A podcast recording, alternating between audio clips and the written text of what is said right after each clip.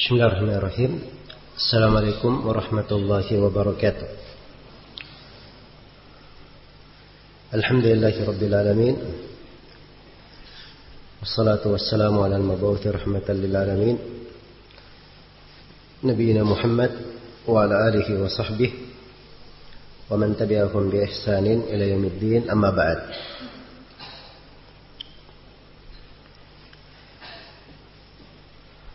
Baik kita telah membaca tentang definisi ilmu al-maqasid.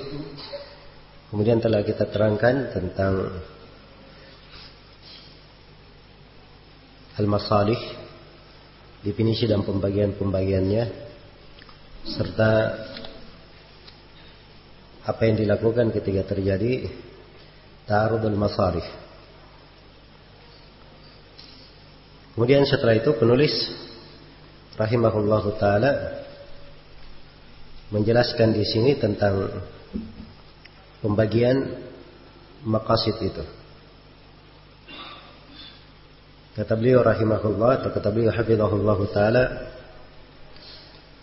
فما يكن في رأيه مراقبة أن تصلح الدنيا كذا الآقبة فكل ضرورة تقام أصلا وغيرها يجيء بعد وصلا بحفظ دين المال والأقل والنفس والأعراض ثم النسل من جهة الثبات والوجود كالعلم والزواج والسجود وتارة تحقيقها بالدفع لمفسد كالحد قل والمنع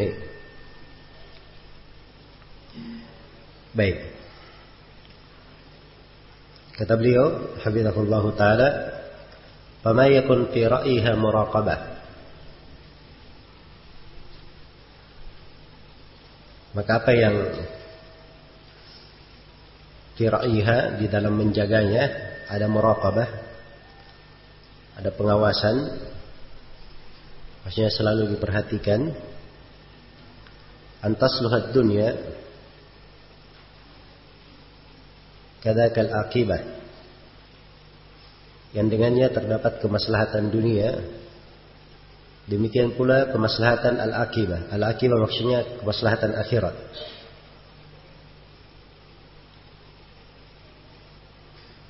Fakul maka katakanlah daruratun tuqamu asla.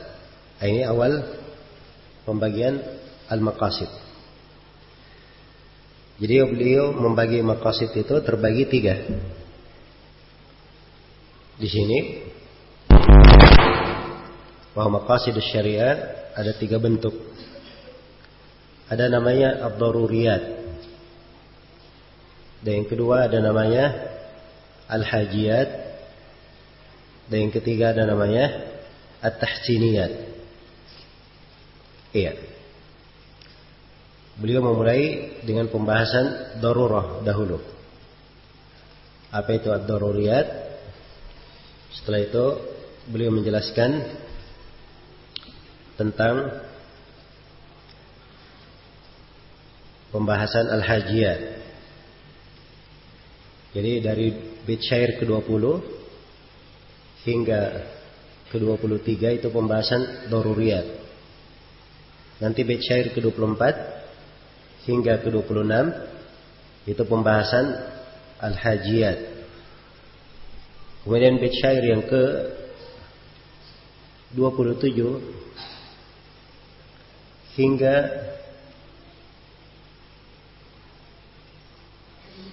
apa namanya ke 29 itu pembahasan at-tahsiniyat. Ya, kemudian setelahnya adalah pembahasan mukammilat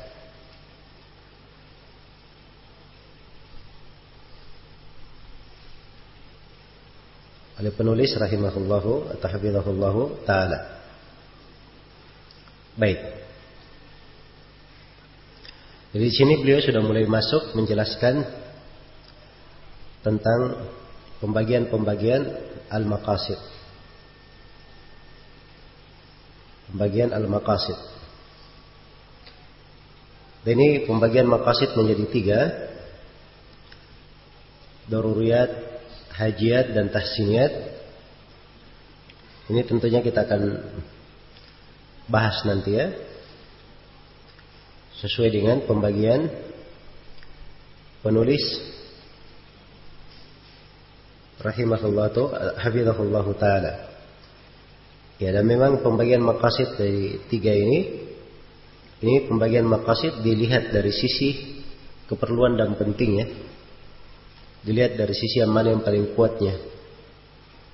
Ya, kalau dilihat dari sisi yang paling pentingnya, paling diperlukannya, memang maqasid itu terbagi tiga.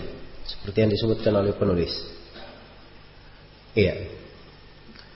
Namun ada pembagian-pembagian maqasid yang lainnya. Ini yang perlu saya berikan gambaran bahwa maqasid itu dibagi oleh para ulama menjadi beberapa pembagian. Ditinjau dari sudut mana kita memandangnya. Kalau dilihat dari al-waba min haitsul waba dari asal peletakan ilmu maqasid, maqasid itu dibagi oleh para ulama menjadi dua pembagian. Ini yang disebutkan oleh Imam Syatibi rahimahullah di Al-Muwafaqat. Jadi min haitsul wada al-maqasid terbagi menjadi berapa? Terbagi menjadi dua. Ada maqasidu asy-syari' maqasid yang datang dari syariat. Iya. Jadi apa maksud syariat apa maksud Allah yang mensyariatkannya di dalam pensyariatan tersebut? Nah, ini maqasid asy-syari' namanya. Terus yang kedua ada namanya maqasid al-mukallaf. Maqasid al-mukallaf. Iya. Jadi al-mukallaf di dalam segala tasarrufnya, apakah dalam bentuk meyakini, berucap dan beramal, apa maksud yang diinginkan darinya? Ini maqasid al-mukallaf. Ya kalau lihat dari dua hal itu, ya memang maqasid terbagi dua. Ada maqasid dari sisi asyari dan ada maqasid dari sisi mukallaf. Dari sisi mukallaf. Dari sisi asyari itu disebutkan oleh Syatibi ada empat hal. Maqasid itu. Ada qasdus syari' fi wad'i syariah ibtidaan. Iya. Ada maksud syariat di dalam peletakan makasid tersebut secara permulaannya. Ya, jadi ibtidaan permulaannya hal tersebut dibagi disyariatkan pada awal permulaannya untuk apa? Iya.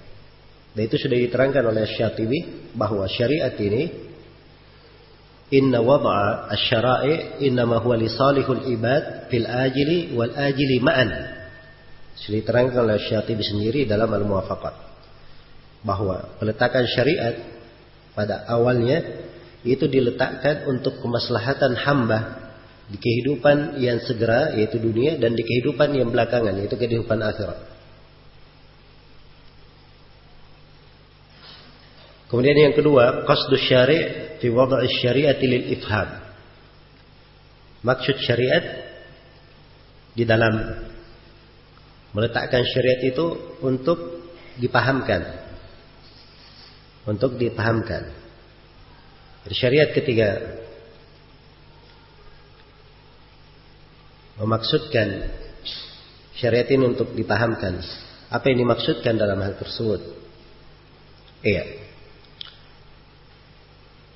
Ini dijelaskan ya oleh Syatibi rahimahullahu taala bagaimana syariat itu sifat-sifatnya sehingga dia bisa untuk dipahami.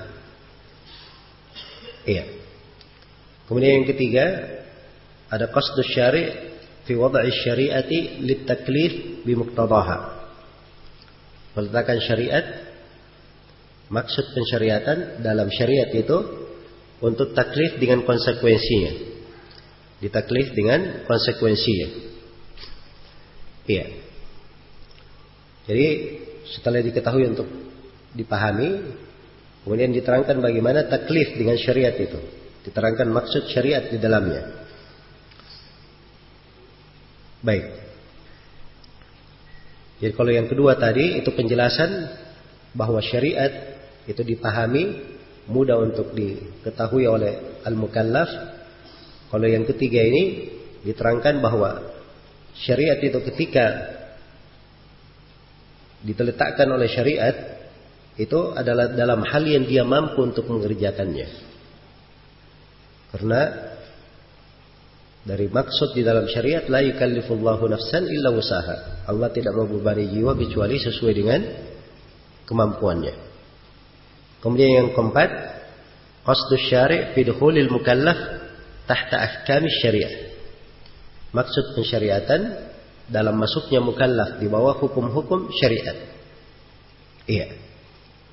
Di mana Syatibi terangkan bahwa seorang mukallaf itu yakunu abdan lillahi ikhtiaran kama huwa abdul lillahi ittiraran. Jadi syariat ini adanya itu maksudnya supaya hamba itu masuk di dalam syariat sebagai hamba yang tunduk di dalam syariat. Sebagaimana dia masuk, dia itu adalah hamba suka atau tidak suka. Ittirar, dia adalah hamba Allah. In kullu man fis samawati wal ard illa atir rahmani abada. Semuanya adalah hamba Allah Subhanahu wa taala secara ittirar. Nah, jadi letakkannya syariat untuk memasukkan dia dalam ahkamut taklif secara ikhtiar. Baik. Adapun maqasid yang terkait dengan masalah al-mukallaf maka al-mukallaf itu diterangkan oleh Syatibi rahimahullahu taala apa tujuan-tujuan yang dimaksudkan oleh mukallaf itu di dalam aktivitasnya, di dalam keyakinannya, ucapannya, amalannya. Sehingga bisa dibedakan mana maksud yang benar, mana maksud yang fasid, dibedakan antara adat dan ibadah Dibedakan mana yang ikhlas karena Allah dan mana yang ria. Iya. Ini ada maqasid syariah di situ terkait dengan meninjau maksud dari si mukallaf. Jadi ini pembagian maqasid terbagi dua dari sisi al-wada. Kemudian maqasid itu sendiri kalau dilihat dari al-umum wal khusus, dari keumuman dan khusus, kekhususannya, maqasid syariah terbagi menjadi dua terbagi menjadi dua. Iya. Ada namanya maqasid kulliyah dan ada namanya maqasid juz'iyah.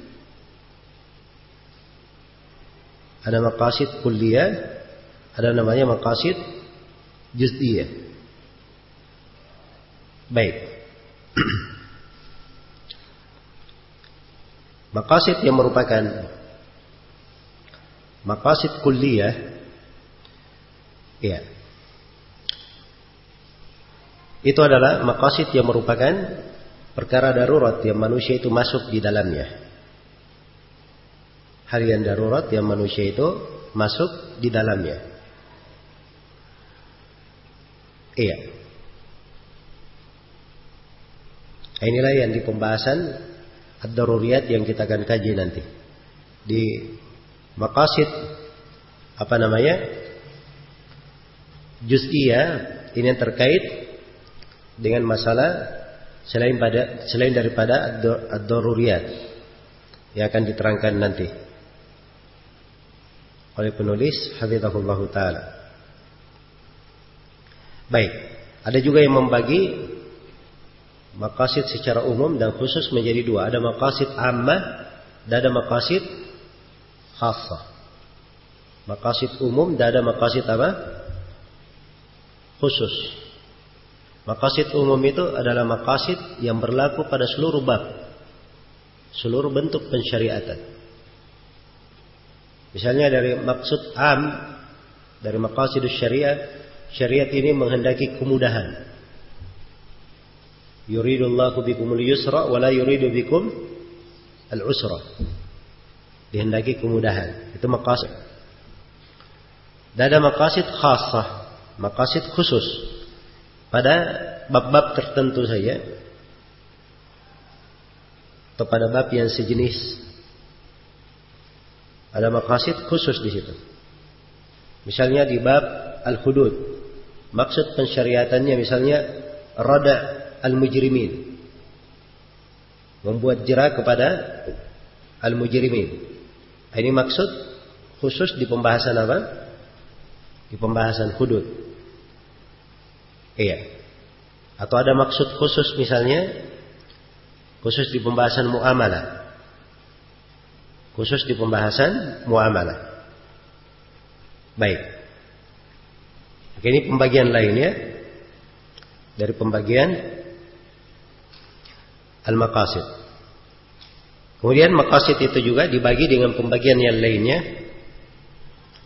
Dilihat kepada bagian mukallaf di dalamnya. Bagian si mukallaf. Maqasid terbagi menjadi dua. Ada maqasid asliyah dan ada maqasid tabi'ah atau tabi'iyah. Iya. Jadi ada maqasid yang terkait dengan asliyah. Yang merupakan perkara asliyah pokok. Tidak ada bagian yang mukallaf di dalam hal itu. Karena ini adalah daruriyat yang dijaga di setiap agama. Itu yang kita akan baca bahas nanti di perkara daruriyat. Dan ini ada yang merupakan fardu ain, ada yang merupakan fardu kifayah. Iya. Dan ada maqasid yang merupakan pengikut saya. Pengikut. Yang di dalamnya dipelihara memang hak si mukallaf itu. Iya.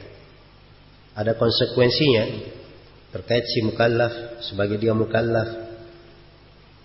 Ada hal yang dia senangi, ada hal yang terkait dengan syahwatnya. Iya.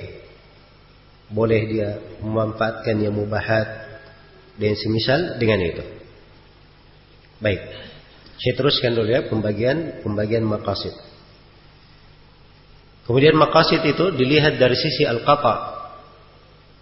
Kepastian dan abban apakah dia dipastikan atau ban itu dibagi menjadi dua maqasid. Ada maqasid qat'iyah dan ada maqasid dhanniyah.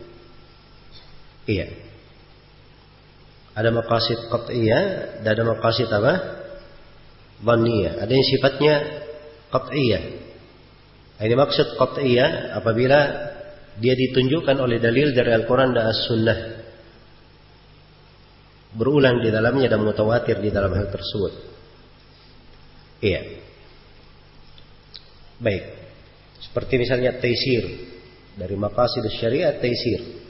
Ini adalah maksud qat'i. Karena memang ditunjukkan di berbagai dalil. Inna dina yusrun Nabi menegaskan. Dan ada maqasid dhaniyah. Maqasid dhaniyah. Ini di bawah al-qat'iyah. Iya. Di bawah al-qat'iyah. Dari sisi apa namanya? penegasannya. Dari sisi penegasannya. Baik. Dan ini harus dibedakan ya antara maqasid dhanniyah dan maqasid wahmiyah. Kalau maqasid dhanniyah dia tetap maksud syariat di dalam hal tersebut. Iya di dalam hal tersebut. Seperti misalnya maksud syariat diharamkannya khamar ini untuk menutup pintu merusak akal. Kan begitu? Iya. Nah, ini adillah menunjukkan hal tersebut. Walaupun tidak dikotai, tapi ini diamalkan dhanniyah. Beda dengan wahmiyah. Wahmiyah itu disangka dia adalah maqasid, tetapi sebenarnya dia bukan maqasid syariat. Hakikatnya bukan maqasid. Itu wahmiyah namanya sangkaan. Baik. Jadi ini pembagian-pembagian tentang makasid. Selain daripada yang disebutkan oleh penulis.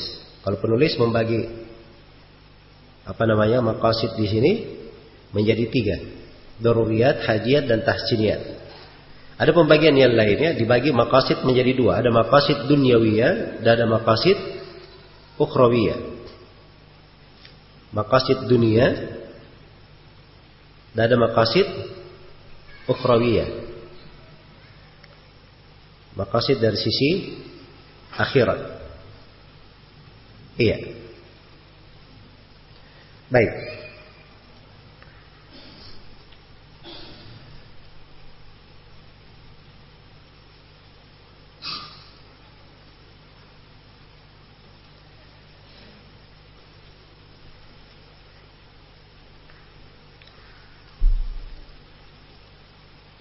Jadi ini sudah tampak ya pembagian-pembagian dari maqasid tersebut. Iya. Jadi faedah di dalam mengetahui pembagian maqasid ini nanti ketika terjadi ta'arud, yang mana yang didahulukan? Yang mana yang didahulukan? Jadi kalau ada maqasid misalnya apa namanya? Yang dia merupakan asliyah dan tabaiyah, maka yang didahulukan adalah asliyah. Kalau ada maqasid terkait dengan misalnya apa? kuliah aglabiyah maka yang didahulukan adalah kuliah. Kalau ada maqasid misalnya qat'iyah dan maqasid dhanniyah, wahmiyah, maka yang didahulukan adalah maqasid apa? Al-qat'iyah yang didahulukan. Kalau ada makasid amma, makasid khasah, juz'iyah, yang didahulukan adalah makasid amma. Sebab itu yang dijaga dan dipelihara. Iya. Baik. Jadi begitu cara cara memahami ya. Iya. Terkait dengan pembahasan makasid ini. Kemudian penulis mulai di sini menjelaskan ya dan tentunya untuk setiap pembagian makasid itu itu perlu kita berikan keterangannya. Hanya saja penulis terbatas memberi satu bentuk pembagian. Sebab ini yang paling masyhurnya. Pembagian yang disebut oleh penulis di sini. Iya. Beliau membagi makasid itu menjadi tiga. Ada doruriat, kemudian ada apa? Hah? Hajiat dan ada tahsiniyat. Iya. Jadi kalau orang sudah belajar ilmu maqasidus syariah, pembagian tiga ini itu adalah pembagian yang harus sudah lancar dia ucapkan di lisannya. Ya sebab ini pembagiannya yang paling masyhur. Pembagian yang paling masyhur di kalangan orang-orang yang berbicara tentang al-maqasid. Baik, saya akan menjelaskan bermula dari masalah ad-daruriyat. Kata penulis, Fakul daruratun tuqamu asla wa ghairuha yaji'u ba'du wasla. Katakanlah darurat, maqasid daruriyah tuqamu aslan. Dia ditegakkan sebagai asal. Nah, jadi secara asal ini yang didahulukan. Ad-daruriyat ini. Tuqamu aslan. Wa ghairuha yaji'u ba'du wasla. Dan selainnya itu datang setelahnya penyambung. Datang setelahnya sebagai penyambung. Iya. Jadi hajiat, tahsiniyat itu adalah hal yang menyambung dari darurat ini, ad-daruriyat. Apa itu? Ad-daruriyat itu dalam lima perkara. Iya dalam lima perkara. Sebagian ulama ada yang menyebutkan enam perkara. Tapi umumnya disebut lima ya, hanya yang kelima ini yang ada apa namanya penyebutan apakah dia ala arat atau nasal atau disebut dua-duanya. Kalau penulis berkata bihibdi dini. Ya. Yang pertama beliau sebutkan tentang penjagaan terhadap ad-din. Baik. Kemudian yang kedua, jadi yang pertama beliau sebut dari al-maqasid adalah hifdzuddin. Penjagaan terhadap apa? Agama. Ya, bihifdi dinin, penjagaan terhadap agama. Kemudian malina. Bihifdi dinin, malina. Ini yang kedua, penjagaan terhadap harta. Hifdul mal. Wal akli, ini yang ketiga. Iya. Penjagaan terhadap apa? Al-aql. Dan yang keempat wan nafsi, penjagaan terhadap jiwa.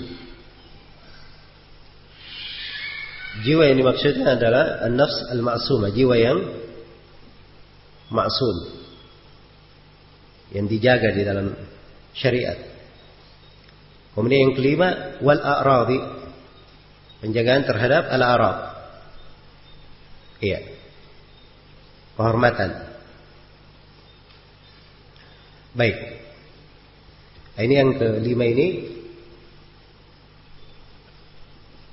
ada yang silam pendapat ya di dalam menghitungnya.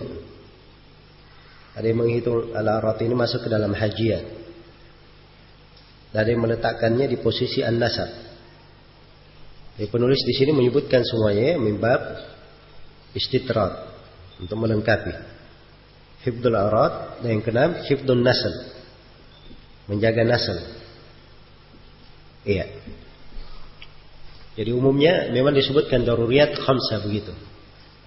Lima perkara darurat. Tapi kalau dirinci ada yang memasukkan khusus untuk nasab dengan a'rab. Maka bisa menjadi enam di dalam hitungan. Iya. Baik. Min jihati thabati wal wujudi. Nah ini penjagaannya dari dua sisi. Ada penjagaan dari sisi al-wujud. Dari sisi apa? Al-wujud, adanya. Wasabat, tetapnya. Kal-ilmi wal-zawaji was-sujudi. Seperti berilmu, dan seperti ilmu, nikah dan sujud. Wataratan tahkikuha bid-daf'i limufsidin kal-haddi kul wal man'i. Iya. Dan kadang penjagaannya itu dari sisi al-adam, penolakan. Ya, ada dari sisi al-wujud, penjagaan dari sisi al-wujud dan ada penjagaan dari sisi al-adam. Yaitu menolak al-fasad, hal yang kurang. Ya. Menghilangkan sesuatu darinya Nah, seperti itu. Diberi contoh seperti hudud. Seperti hudud wal man'i. Al mana artinya pengharaman. Ya misalnya diharamkan meminum khamar untuk menjaga apa? Menjaga akal. Iya. Jadi ini dalam al-maqasid selalu ada dua hal ini. Selalu ada dua hal ini. Iya. Ada yang terkait dengan penjagaan terhadap wujudnya dan ada penjagaan terhadap adamnya. Penjagaan dari sisi al-wujud dan ada penjagaan dari sisi al-adam. Iya. Jadi yang pertama adalah abdururiyat. Ini maksud yang paling tingginya ad Jadi dipelajari dari sisi seluruh maksud pensyariatan maka subhanallah diketemukan bahwa syariat ini tidak ada yang keluar dari penjagaan terhadap ad-daruriyat ini. Kalau dia tidak menjaga kepada ad maka dia menjaga kepada hajiat atau kepada tahsiniyat. Syariat tidak keluar dari itu. Iya. Tidak keluar dari hal tersebut. Dan daruriyat umumnya orang menyebutkan daruriyat al-khams begitu. Tapi penulis menyebutkan enam di sini untuk melengkapi dari hal yang apa namanya lebih umum yang berjalan supaya tercakup semua ucapan para ulama di dalam hal ini. Iya. Ya di sini dihitung oleh penulis yang pertama adalah hifdzuddin, Penjagaan agama. Agama itu dijaga dari dua sisi ya, selalu. Agama dijaga dari dua sisi. Yang pertama dijaga dari sisi al-wujud. Iya. Dari sisi al-wujud, agama dijaga dari beberapa bentuk. Dijaga dari beberapa bentuk. Yang pertama, agama ini dijaga dengan Allah mensyariatkan keimanan. Arkan al-iman. Iya. Kemudian dijaga agama ini dengan beramal terhadap syariat tersebut. Dijaga agama ini dengan mengucapkan syahadatain. Dijaga agama ini dengan melaksanakan sholat, zakat, puasa. Nah, ini semuanya penjagaan dari sisi apa? Al-wujud. Dan ada penjagaan dari sisi al-adam. Dijaga agama ini dengan jihad. Jadi kalau ada yang bertanya, kenapa disyariatkan jihad? Jawabannya untuk menjaga agama. Iya. Untuk menjaga agama. Supaya jangan ada yang murtad keluar dari agama ditegakkan had terhadap siapa yang keluar darinya. Demikian pula dari penjagaan terhadap agama diharamkan bid'ah diharamkan bidah dan diberi syariat untuk menjatuhkan ukubat terhadap ahlul bidah. Nah, ini penjagaan terhadap apa? Terhadap agama. Iya. Karena itu dinukil kesepakatan para ulama tentang wajibnya menghajar ahlul bidah, memutus mereka. Itu ada disebut oleh para salaf di dalam buku-buku terkait dengan kewajiban. Itu adalah prinsip dari as-salaf rahimakumullahu taala. Iya. Hanya saja yang menjadi masalah itu ahlul bidah itu siapa? Dalam memberi definisi bidah itu siapa? Jangan tiap kali dia berselisih dengan orang langsung dihitung sebagai ahlul bidah. Dia lebih lucu lagi orang yang kalau ditanya si fulan ini kamu pandang ahlul ahlus sunnah atau ahlul bidah? Dia berkata saya tidak berani bilang dia ahlul bidah. Dia ahli sunnah. Terus kok diperlakukan sebagai ahlul bidah? Ya memang seperti itu. Ini orang bingung ya karena tidak punya kaidah-kaidah berpijak dalam beragama. Akhirnya serampangan. Hawa nafsunya saja yang berjalan. Hawa nafsunya. Iya. Tidak ada kaidah di dalam hal tersebut. Baik, kemudian yang kedua hifdun nafs, penjagaan terhadap jiwa. Iya, ada syariat-syariat disyariatkan, diperiksa ini adalah penjagaan Islam terhadap jiwa. Iya. Dan ini ada penjagaan dari sisi al-wujud dan ada penjagaan dari jadib al-adam. Dari sisi al-adam. Dari sisi al-wujud misalnya, Iya. Bagaimana betul-betul dijaga kehidupan seorang manusia itu. Sampai dalam Al-Quran dikatakan waman ahyaha nama ahyan nasa. Siapa yang menghidupkannya seakan-akan dia menghidupkan seluruh manusia. Iya. Maka ini untuk menjawab, menjaga nafs, menjaga jiwa.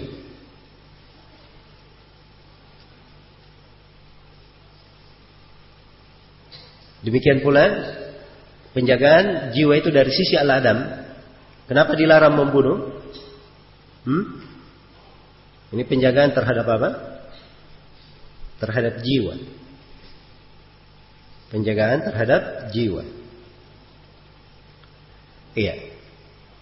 Kenapa disyariatkan memerangi para perampok, para begal, para pemberontak?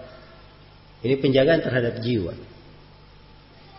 Penjagaan terhadap jiwa. Baik.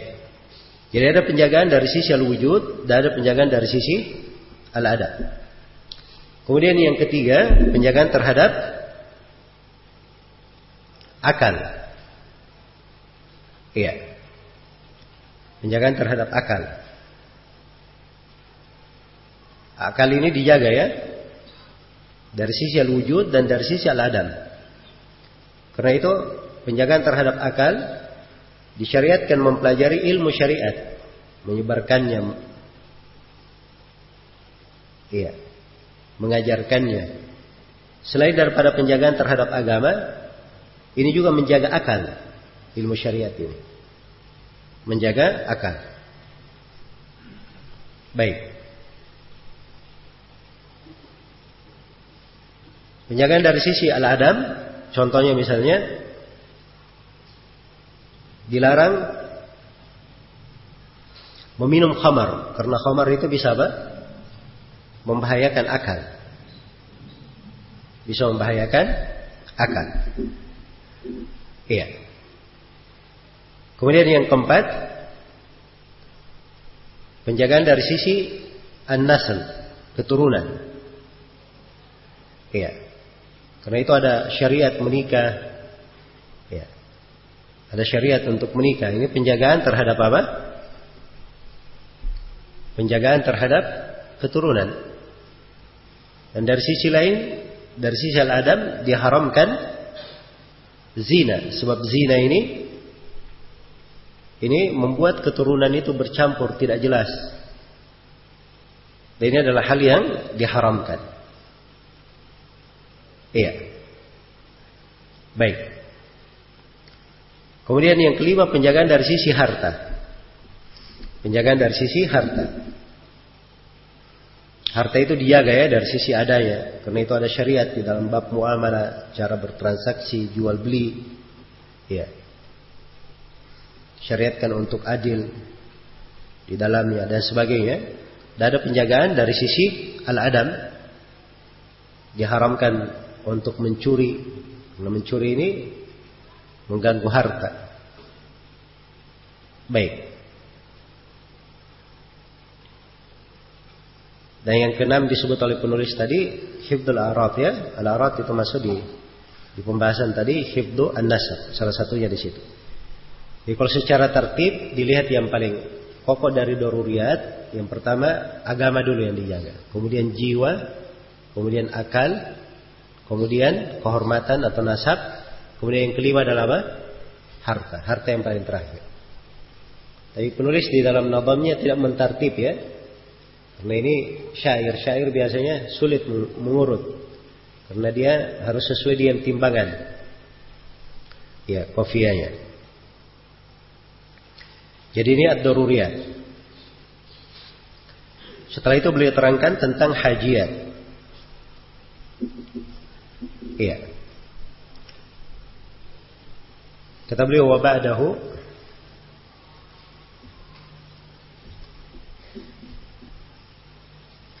Baik. Kata beliau wa ba'dahu al-haji du'tidadi muftaqirun ilayhi fil ibadi min jihati at-tawsi'i wat-taysiri wa man'i tadyiqin ma'a ta'siri kal jam'i fil asfari lis salati wa dar'i lil hududi fis syubahati sudah lengkap ya? Beliau sebutkan definisi al-hajiat sekaligus contohnya. Jadi hajiat itu wabadahu al-haji. Setelah darurat itu ada pembahasan al-hajiat. du'tidadi. Iya. Al-hajiyat itu dia adalah hal yang diperhitungkan. Hal yang diperhitungkan. Muftakirun ilaihi fil ibadi. Diperlukan di tengah hamba. Dari sisi mana dihitung dan diperlukan? min jihati tausi'i wa taisiri untuk memberi kelapangan dan kemudahan. Wa man itadyiqin ma'a ta'siri dan untuk menahan kesempitan, menyempitkan dan menyulitkan. Iya, ini definisi untuk hajiat. Jadi hajiat itu adalah maqasid syariat yang diperlukan oleh seorang hamba. Iya dengan keperluan yang dianggap yang dihitung dari sisi tausi dan taisir diberi kelapangan dan kemudahan di situ untuk mengangkat kesempitan yang bisa membuat haraj, membuat susah. Membuat susah. Iya. Maka ada hal-hal yang dimudahkan di dalam syariat. Dan ini masuknya di pembahasan hajiat. Diberi contoh kal jam'i fil asfari lis salati. Seperti menjamak salat. Menjamak salat ketika safar. Syariat menjamak salat ini masuk ke dalam pembagian apa? Daruriyat atau hajiat? Hajiat. Iya. Karena dia sifatnya ada masyarakat berat kalau ditinggalkan. Maka dimudahkan. Boleh menjamak salat ketika musafir. Jelas ya? Demikian pula contoh berikutnya wadar ulil hududi wadar ulil hududi fi syubuhati menolak al-hudud. Menolak hudud pada hal-hal yang masih ada syubhat. Iya. Pada hal-hal yang masih ada syubhat. Syubhat itu adalah sesuatu yang masih samar, belum kelihatan. Iya. Karena itu ada kaidah ya di pembahasan hudud, al-hudud tudrau bisyubhat. Hudud itu ditolak atau tidak dilaksanakan kalau ada syubhat. Ada hal yang meragukan. Apabila masih ada hal yang meragukan, maka hudud tidak ditegakkan. Hudud tidak apa? Ditegakkan. Baik. Iya.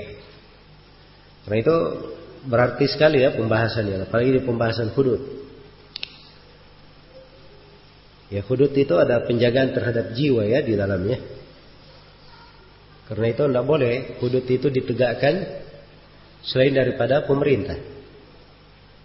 Itu yang menegakkannya adalah hakim. Karena itu di dalam syariat kita tidak ada istilah main hakim sendiri. Itu tidak ada istilah apa? Main hakim sendiri. Masalah diangkat ke pemerintah. Dia berzina, Diangkat dulu ke pengadilan. Jangan langsung dijatuhkan. Oh kamu berzina. Kamu sudah menikah. Kita rajam. Ya.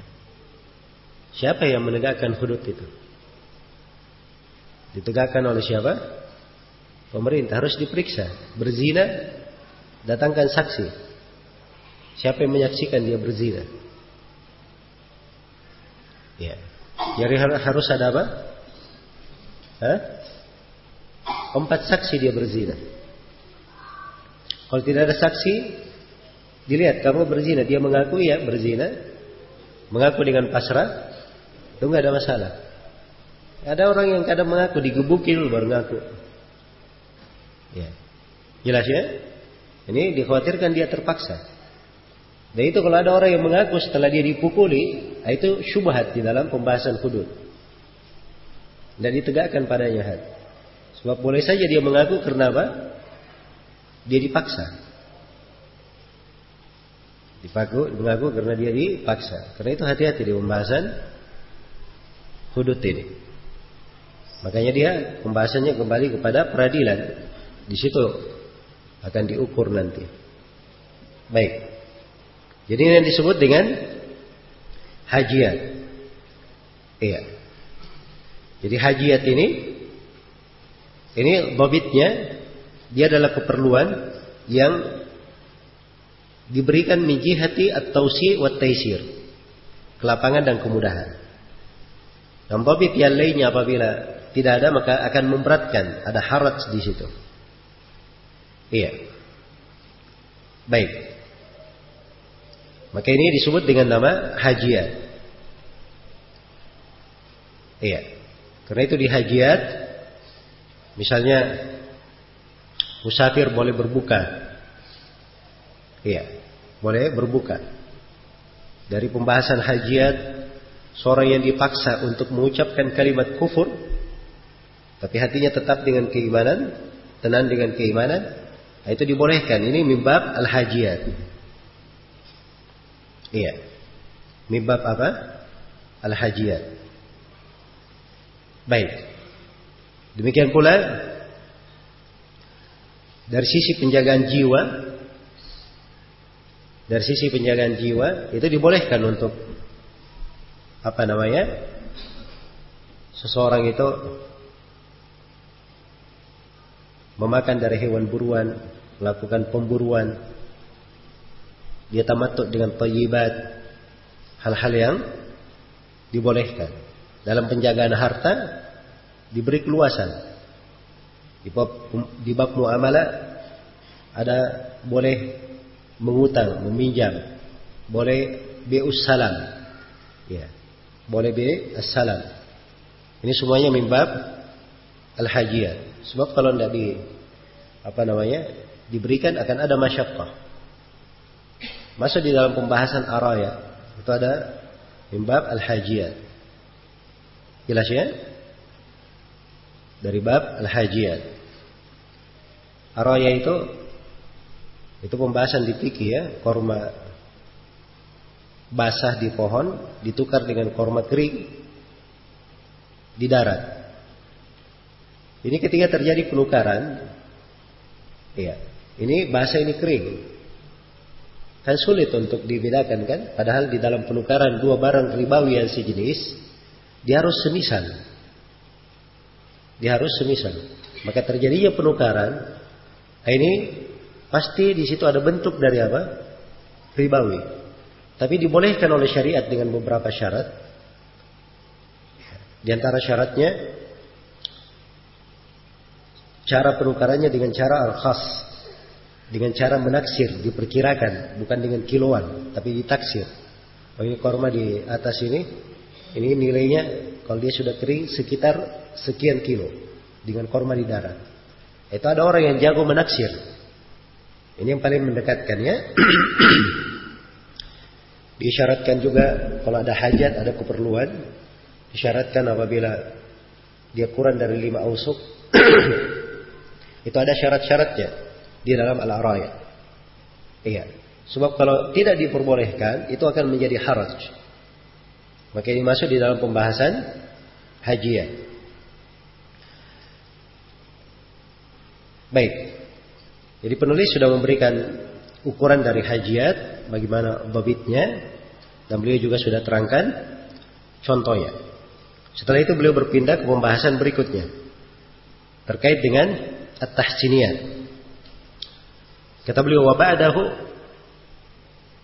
na'ul muhassinati ma jaa bi mabahiji ma jaa bi mabahijil adati أو عد في مكارم الأخلاق كالترك للتدليس والنفاق والندب للصلاة والصيام والأكل باليمين والسلام Ini yang ketiga ya dari maqasid syariah pembahasan at-tahsiniyat. Al-maqasid at-tahsiniyah. Ya, ada maqasid at-tahsiniyah itu dobitnya kata beliau apa yang datang dalam bentuk mabahij al-adat. Iya hal yang dengannya keindahan adab-adab, adat istiadat. Au udda fi makarimil akhlaqi. Atau dihitung di dalam akhlak yang mulia. Jadi itu maqasid at-tahsiniyah, ukurannya maqasid yang berjalan sesuai dengan mahasinil adat dan makarimil akhlak. Ya kalau dia masuk dari adat yang baik, akhlak yang mulia, maka ini kaitannya dengan apa? Kaitannya dengan at-tahsiniyat. Ya, diberi contoh oleh Nadim di sini. Katarki tadlisi, tidak melakukan tadlis wan nifaq dan menutupi. Jadi kalau dia ada barang, dia bilang ini barang bagus, padahal di dalamnya ada apa? Ada kerusakan. Itu diharamkan ya. Ya. Jadi masuk di dalam pembahasan tahsiniat karena ini terkait dengan apa? Syariat mengharamkan hal tersebut karena ini bertentangan dengan akhlak yang mulia dan bertentangan dengan kebiasaan yang baik. Demikian pula wan nadab lis salati iya wasyami. An-nadab lis salat maksudnya salat sunnah dan salat Sholat sunnah dan puasa sunnah. Puasa, sholat sunnah dan puasa sunnah. Ini masuk di dalam tahsiniyat. Wal akli bil yamini, makan dengan tangan kanan. Makan dengan tangan kanan itu masuk ke dalam apa? Tahsiniyat. Iya. Demikian pula memberi salam. Ini masuk di dalam apa? Tahsiniyat. Baik. Jadi ini pembagian makasid menjadi tiga. Daruriyat. Apa yang kedua? Hajiat. Dan yang ketiga? Tahsiniyat. Iya. Baik.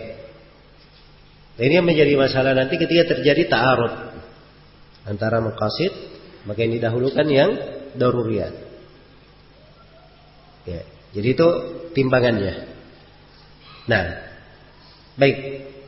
Selesai di sini ya. Saya bahas dulu kelanjutan ucapan penulis terkait dengan masalah apa namanya? Mukammilat, penyempurna dari tiga ini. Ada mukammilatnya. Setelah diuraikan mukamilatnya saya akan terangkan satu pembahasan lagi untuk pertemuan ini itu terkait dengan masalah turuk marifatil maqasid. Bagaimana cara mengenal maqasidus syariah. Baik. Iya. Jadi kata beliau di sini hafizahullah walaysa wahidun bila takmili. Fatali'ul usula ya khalili. Fa fi daruratin ma'al hajiyi ma qad ata tatimmatal asliyi. كالحكم بالإظهار للشرائع والفطر في الأسفار للمسارع وذلكم رأوه في التحسين كأدب الأحداث التبيين ini penjelasan tentang al-mukammilat. Iya. Jadi setelah penulis selesai menguraikan tentang maqasidus syariah pada apa yang diperlukan bahwa maqasidus syariah itu yang merupakan maqasid amma, maqasid asliyah itu ada tiga, ada abdururiyat dan ada al-hajiyat dan ada tahsiniyat. Maka setiap dari maqasid ini setiap dari maqasid ini itu ada penyempurnanya. Ada penyempurnanya. Dan penyempurnanya terbagi dua. Ada penyempurna kulli dan ada penyempurna juz'i. Takmil kulli dan ada takmil juz'i.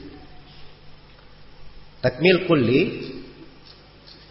itu setiap yang namanya tahsini ataupun haji itu menyempurnakan daruri. Jadi tahsiniyat dan hajiat itu menyempurnakan apa? Daruriyat. Dia penyempurna. Ya, itu tak, itu takmil kulli. Adapun takmil juz'i, maka setiap dari maqasid tersebut ada penyempurnanya. Untuk dorurinya ada penyempurnanya, untuk tahsiniyatnya ada penyempurnanya, dan untuk hajiatnya ada apa? Penyempurnanya juga. Ada penyempurnanya. Iya. Baik. Diberi contoh ya penyempurna di dalam ad-daruriyat. Kal hukmi bil idhari li. Jadi beliau katakan walaysa wahidun bila takmili. Tidak ada satupun dari do, apa namanya e, maqasid yang disebutkan itu daruriyat, hajiat dan tahsiniyat tidak ada satupun bila takmili yang tidak ada penyempurnanya. Semuanya ada penyempurnanya. Fatali'ul usula ya khalili. Karena itu perhatikan usul ini wahai kekasihku, wahai kawanku. Fafi daruratin mal haji padahal darurat disertai dengan haji mapat ata tatimmatal asli apa yang datangnya menyempurnakan asli. Jadi haji ini menyempurnakan darurat. Itu tadi yang saya katakan. Takmil apa ini namanya? Takmil kulli. Iya. Ada yang sifatnya takmil kulli. Dan ada sifatnya takmil pada itunya sendiri, pada takmil juz'i. Jadi pada hal yang uh, apa namanya? daruriyat misalnya, Daruriyat tadi salah satu bentuk daruriyat contohnya hifduddin. Menjaga apa? Menjaga agama. Ya. Termasuk daruriyat ya, menjaga apa? Agama. Ya sekarang apa takbilnya penyempurnanya? Disebut oleh penulis kal hukmi bil adhari li syara'i. Seperti hukum menampakkan syariat. Iya. Jadi penjagaan agama ini disempurnakan dengan cara syariat itu ditampakkan, diperlihatkan. Diperlihatkan dari syariat tersebut. Ini penyempurna. Jelas ya? Penyempurna. Syariat ditampakkan. Baik. Jadi ini bentuk dari penyempurnaan di pembahasan darurat. Wal fitri fil asfari lil musari'in. Nah, contoh di dalam hajiat, takmil dalam hajiat ini contohnya berbuka di safar. Iya. Berbuka di dalam safar ini kan ini dari bab apa? Doruriat atau hajiat? Hah? Hajiat sudah kita terangkan. Berbuka apa namanya? Uh, apa bagian dari hajiat. Jadi diizinkan untuk daf'il masyaqqah. Iya. Untuk menolak masyaqqah. Dan itu disempurnakan dengan dia al-fitru fis safar, dengan dia berbuka di perjalanan. Nah, lil musari bagi orang yang segera maksudnya di sini segera di dalam kebaikan orang yang taat bukan bermaksiat. Ini pada safar yang merupakan ketaatan bukan pada safar yang apa? maksiat.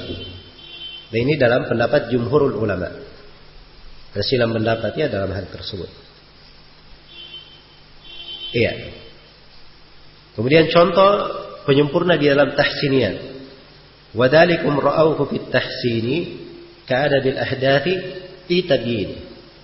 Demikian pula mereka di dalam tahsin melihat contohnya adab di dalam menunaikan hajat, membuang hajat. Ini adab qadaul hajat, ini mimbab apa? Ya. Mimbab takmil untuk at-tahsiniyat. Dia diperintah untuk menyempurnakan tahsiniyat, makarimul akhlak, adab yang bagus. I tabini, i i di situ dari wa ya i. Kata perintahnya apa? I kan begitu. I artinya pahamilah. Tabini penjelasanku. Nah, pahami penjelasanku. Sampai sini selesai sudah pembahasan tentang pembagian maqasid menjadi tiga. Daruriyat, hajiat dan tahsiniyat. Kemudian sudah beliau tambahkan di sini dengan mukamilatnya. Ditambahkan dengan mukamilatnya. Masih ada satu pembahasan yang perlu saya terangkan terkait dengan masalah turuk istimbat al-maqasid turuk ma'rifatil maqasid. Ya. Sekarang para ulama ketika mengeluarkan ini maksud pensyariatan ini, maksud pensyariatan ini. Yang dimaksudkan di sini adalah ini. Dari mana mereka tahu? Hah? Nah, ini yang kita mau bahas di sini sebagai pembahasan yang terakhir. Baik. Pembahasan yang terakhir. Karena itu ini adalah bagian dari fikih. Kenapa bagian dari fikih? Karena ini dipelajari ya, dibaca nusus ulama. Seorang ketika dia baca ayat, dia baca hadis, dia lebih jeli lagi di dalam membacanya. Dan lebih banyak membaca keterangan dan uraian para ulama di dalamnya. Supaya dia lihat, oh yang dipandang oleh ulama di sini, ini sebabnya ini. Sebab ini, ini ada yang masuk kepada doruriat, ada yang hajiat, ada yang tahsiniat. Dia sudah pandai membaginya. Akan mudah nanti. Ya kalau kita sudah selesai belajar ini, itu ketika membaca syarah para ulama, keterangan-keterangan para ulama terhadap ayat dan hadis, ketika disebutkan alasan illah atau munasabah atau hikmah atau rahasia, kita bisa tahu ini rahasianya, hikmahnya, ini kembalinya kepada daruriyat atau hajiat atau apa? Tahsiniyat. Akan terbiasa nanti jeli di dalam melihatnya. Iya. Tapi di sini perlu diketahui ya bahwa Maqasidus syariah itu diketahui dengan beberapa bentuk. Yang pertama, jalan yang pertama, maqasid syariah diketahui dengan nas sorry, dengan nas tegas. Nas tegas itu menunjukkan itu maksud pensyariatannya. Itu maksud pensyariatannya. Baik. Seperti misalnya perintah puasa, ya ayyuhalladzina amanu kutiba alaikumus siyamu kama kutiba alal ladzina min qablikum la'allakum tattaqun. Nah, ini di dalam ayat ada nas tegas kenapa disyariatkan puasa. Apa syariatnya? Ha, apa maksudnya? La'allakum tattaqun itu kan nas. La'allakum tattaqun. Iya.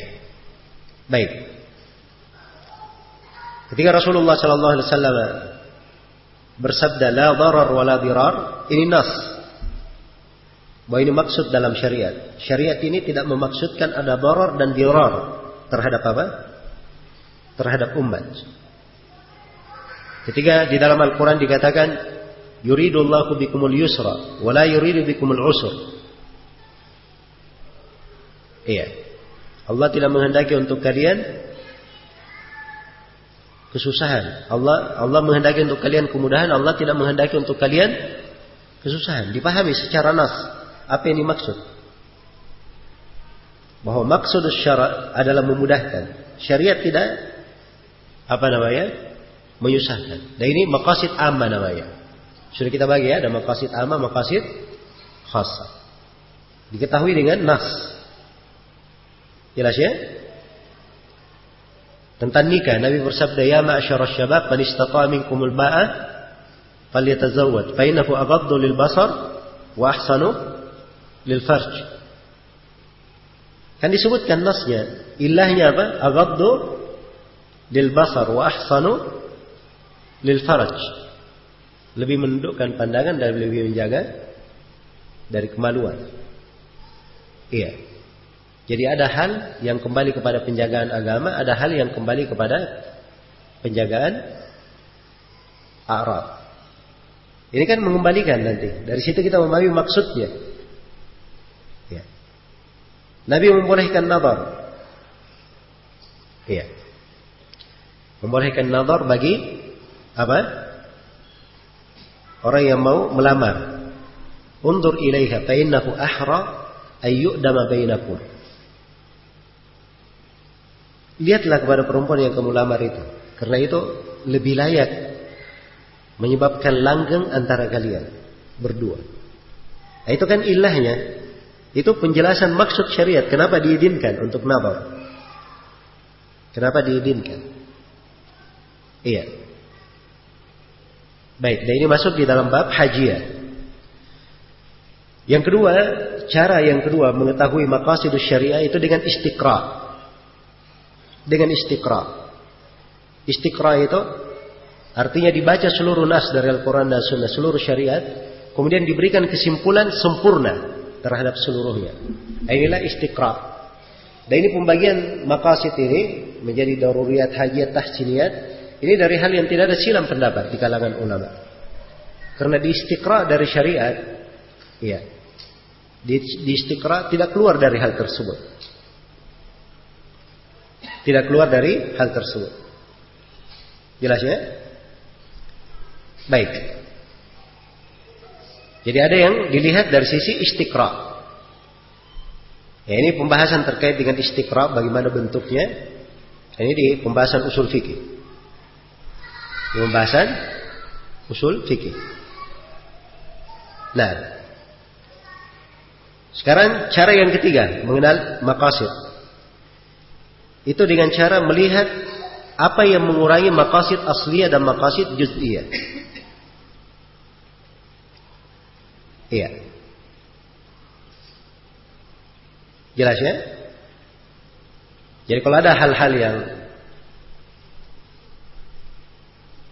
dengannya ada ikhlal pada maqasid asliyah atau juz'iyah, maka dari situ bisa kita ketahui ini ada sebuah maksud pensyariatan di situ. Iya. Ada maksud pensyariatan. Baik. Seperti misalnya al-maqasid juz'iyah ya. Ya. tentang seorang itu dekat dengan istrinya, dia boleh apa namanya bermesrahan dengan istrinya. Ini kan dari maqasid juz'iyah. Iya. Dan dari situ bisa diketahui maqasid asliyah. Yang dimaksudkan darinya adalah apa? Adanya tanasul dan adanya pernikahan. Ya, ini dari al-juz'iyah ketika ada maksud seperti itu bisa dipahami. Oh ini arahnya karena memang yang dimaksudkan adalah menjaga secara umum. Pernikahan kan dari abdurriyat hifud terhadap apa? Terhadap nasab dan arab. Kan begitu. Baik. Kemudian yang keempat dari cara mengetahui maqasid itu dengan melihat hadyu para sahabat dan asar mereka. Iya. Nah, ini penting ya di dalam memahami maqasid. Banyak orang yang lalai di sini. Banyak orang yang mengambil ini maksud syariat. Itu dia pakai akalnya saja. Hawa nafsunya, seenaknya saja. Padahal ada timbangan yang menentukan dari mana maqasid itu. Ya lihat dari keadaan para sahabat dalam hal itu. Apa yang datang dari sahabat? Ya. Apakah yang sifatnya mutawatir atau tidak? Mutawatir secara manawi atau secara amali? Ya. Itu dilihat dari para sahabat. Seperti misalnya seorang sahabat yang bernama Al-Azraq bin Qais. Iya. Apa namanya? Ada ada sahabat yang bernama Abu Barzal Aslami radhiyallahu taala anhu Beliau sholat. Nah, dan beliau tinggalkan kudanya di sampingnya. Begitu sementara sholat, sementara sholat, kudanya lari. Maka Mubarza meninggalkan sholatnya, dia kejar kudanya. Dia kejar kudanya. Sampai diambil. Lalu disempurnakan sholatnya. Iya. Maka ada orang yang melihatnya. Dia berkata, lihat syekh ini. Ya, dia tinggalkan sholatnya gara-gara kudanya. Gara-gara apa? Kudanya. Iya. Maka kata Abu Barza belum pernah dia menegur saya semenjak Rasulullah SAW meninggal seperti orang ini. Iya. Baik. Kemudian kata Abu Barza, kalau saya sholat, tetap sholat, kuda saya saya biarkan, terus lari, ya, saya perlu waktu untuk mengejarnya. Betapa banyak waktu yang saya perlukan. Dan ini akan menyebabkan saya tidak akan mendatangi keluargaku kecuali di malam hari. Dan itu membahayakannya. Kemudian Abu Barzah berkata, saya ini sudah bersahabat dengan Nabi Shallallahu Alaihi Wasallam dan saya melihat dari kemudahan yang diberikan oleh Nabi. Jadi dia mengambil sebuah maksud pensyariatan dari sisi at-taisir, kemudahan. Maka dari dasar ini beliau beristimbat boleh dia tinggalkan sholatnya dia pegang dulu apa? Dia pegang dulu kudanya. Ini hadyu para sahabat. Iya. Jelas ya?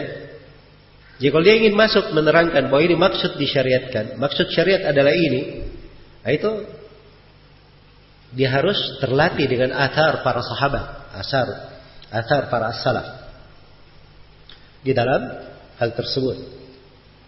Kalau dia tidak terlatih, bagaimana dia bisa memahami dengan baik? Jelas ya? Karena itu untuk melatih ini dia perlu malakah di dalam melatihnya. Dia perlu banyak baca dari athar para salaf.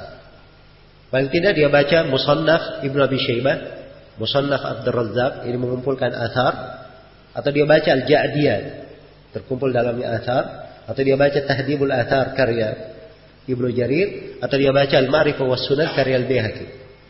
Ini akan luas nanti pengetahuannya tentang apa? Athar para as-salaf. Jelas ya? Baik. Ini penting. Ini sering ada orang-orang yang bagai ini, oh kita mengikuti jalan as-salaf. Karena dia sudah muktan ya. Dan itu bagus ya, dia ya, mengikuti Al-Quran dan Sunnah sesuai dengan pemahaman as-salaf. Tapi dia sendiri tidak berjalan dengan pemahaman as-salaf. Itu cuma bahasa saya, pemahaman as-salaf. Kami mengikuti as-salaf. Dari mana salaf seperti itu? Siapa panutan kalian dari as-salaf? Tidak ada dia mengambil contoh dari as-salaf. Istimbat dia sendiri saja. Cuma apa? Istimbat dia sendiri saja. Nah, ini keliru ya, yang seperti ini. Iya. Dan antum juga tahu ya, orang yang kadang pakai sedikit-sedikit kibarul ulama. Bersama kibarul ulama. Siapa kibar ulamanya? Cuma satu dua orang saya. Atau dua orang paling banyak tiga orang lah. Disebutkan. Kalau ditanya di Saudi tentang kibar ulama itu, itu tidak dihitung kibar ulama di kalangan pemerintah Saudi maupun ulama di Saudi. Jelas ya? Nah, ada hukum tadi saya sebutkan terkait dengan masalah siapa yang berwenang memberikan fatwa itu. Dan yang anehnya lagi, kalau mereka bikin perbuatan, itu perbuatan pribadi. Tapi bahasanya kita ikut kibar ulama. Iya. Itu sudah terbukti ya, ketika ada perbuatan yang ditanyakan, disalahkan langsung oleh para ulama. Dan saya yakin, para ulama itu orang-orang yang baik, orang-orang yang salih, kalau tahu perbuatan orang-orang yang seperti ini, itu pasti akan mengingatkan akan kesesatan jalan orang-orang yang seperti itu. Iya. Maka ini apa namanya pembahasan pentingnya di dalam mengenal ilmu syar'i. Nah, termasuk di dalam memahami maqasidus syariah di sini. Itu terikat seorang dengan hadyu as-salaf. Banyak dia baca ucapan para sahabat, bagaimana mereka memahami fikihnya. Dan ini yang kurang ya, banyak yang kurang di sini. Iya. Saya uh, banyak mengikuti dari rosail-rosail di pembahasan apa namanya jami'iyah risalah doktora magister. Kemudian saya juga uh, mengikuti perkembangan para penuntut ilmu di berbagai tempat. Ketika masuk di dalam pembahasan fikih, menterji akwal, pendapat satu, dua, itu jarang ada yang memperhatikan apa ucapan sahabat di dalam hal ini. Bagaimana atas para salaf di dalam hal tersebut, di dalam memahami. Padahal ini harusnya diberi bagian supaya seorang memahami pemahaman tersebut sesuai dengan jalan as-salaf. Jelas ya? Kalau dia tidak ketemukan athar misalnya, baru dia pakai turukul adillah yang lain. Karena itu kan di pembahasan usul fikih Pembahasan adillah kan banyak bentuk adillah. Ada Al-Quran, ada As-Sunnah, ada ijma, ada kias, ada qaulus sahabat, ada ucapan sahabat. Kan begitu. Ini semuanya kan adillah. Iya. Dan ada adillah yang mukhtalaf fiha yang lainnya. Nah, ini pada dalil-dalil yang bisa dipakai, dia pakai pendalilan itu. Agar supaya dia tidak jatuh di dalam kekeliruan. Dia gabungkan seluruh pendalilan. Kemudian dari jalan mengenal maqasidus syariah adalah i'tibar al-ma'alat. Memperhitungkan efek dari perbuatan, hasil dari perbuatan. Iya. Baik. Memperhitungkannya. Karena itu di ayat ya, wala tasubbul ladina yad'una min dunillahi fayasubbullaha adawan bighairi ilm. Ini kan i'tibar ma'alat. Jangan kamu mencela orang yang beribadah kepada selain Allah. Sebab kalau kamu mencela, mereka akan balik mencela Allah tanpa apa? Ilmu. Mereka sewenang-wenang dengan melampaui batas dan tanpa ilmu. Ini mengakibatkan hal yang lebih buruk. Ya. Jadi tanpa dari sini dari maksud pensyariatan bahwa syariat itu dijaga al-masalih wal mafasid di dalamnya. Ini kan bisa dipetik dengan mengiktibar ma'alat. Iya. Dan itu ada fikih di semua pembahasan tentang fikih iktibar ma'alat. Dia memperhitungkan efek atau hasil dari apa yang dia lakukan. Itu ada fikihnya. Dan itu dibangun di atasnya hukum. Ya, karena itu seorang fakih, seorang ahli fikih, dia pandai memperhitungkan akibat dari perbuatannya. Akibat dari yang dia ucapkan. Akibat hukum yang dia tetapkan. Iya. Jadi itu sudah dia hitung sebelumnya. Ketika dia jatuhkan hukum itu, dia terangkan fatwa ini, dia sudah hitung apa? ma'alatnya. Jelas ya? Nah, ini semuanya pembahasan di atas maqasid syariah. Karena itu ada sebagian ulama, kadangnya antum dia memberi fatwa sesuatu, ada sebagian orang memandang bahwa ini fatwa terlalu meluas. Padahal si alim ini itu mengambil maksud syariat di situ di bab taisir, kemudahan. Di bab kemudahan. Maka jangan dia memperluas melebihi kadar yang diinginkan oleh si alim karena si alim berpegang dengan apa? Sebuah maksud dari maqasid syariat. Itu memberikan taisir. Kadang si alim menginginkan dengannya saddud dari'ah, menutup pintu. Iya. Syekh Fauzan itu pernah bilang ya, kamu kalau ditanya, ini di pelajarannya, kalian kalau ditanya tentang apa hukum apa namanya berdoa di kuburan, ya jangan memberi rincian, bilang itu adalah perbuatan kesyirikan dilarang. Karena ada yang memberi rinci kan, dia di kuburan berdoa untuk siapa? Penghuni kubur atau kepada Allah? Kalau penghuni kubur kan syirik. Kalau dia berdoa kepada Allah tapi dekat kuburan itu masuk dalam bidah. Kata Syekh jangan beri rincian seperti itu pada orang awam. Itu membuka pintu kejelekan. Tutup. Bilang itu adalah kesyirikan haram, tidak diperbolehkan. Nah, ini beliau ajari bagaimana kadang memberi fatwa itu menutup pintu. Ada hal yang seperti itu. Jadi datang orang-orang tidak mengerti. Ya. Ketika seorang alim itu memberi fatwa, dari sisi mana dia melihatnya, memandangnya, ya, akhirnya dia kadang sempit di dalam memandang hal tersebut. Dan kadang sebagian orang langsung menyalahkan. Oh ini si alim ini kurang ahli. Harusnya ada rincian, dia tidak merinci. Karena sebagian penuntut ilmu seperti itu ya.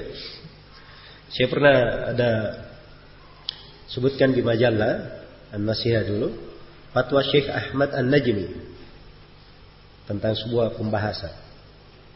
Iya. Tentang sebuah pembahasan. Nah, ada yang kirim pesan ke saya, sebagian ikhwan, mutahamisin. Dia bilang apa ini dikhawatirkan fatwa Syekh ini membuka pintu bergampangan. Ini tidak tahu dia dari mana arah Syekh berfatwa, apa sisi, apa namanya, dalil yang beliau pakai, Ya. Sudut pandangnya kayak baik dalam syariat, langsung dia menjatuhkan hukum terhadap seorang alim seperti itu. Baik. Karena itu hati-hati ya di dalam hal-hal yang seperti ini. Maka ini ilmu. Ketika seorang mengetahui ya, nah ini baru ada wawasan. Oh rupanya detail sekali perkara ilmu agama ini. Iya.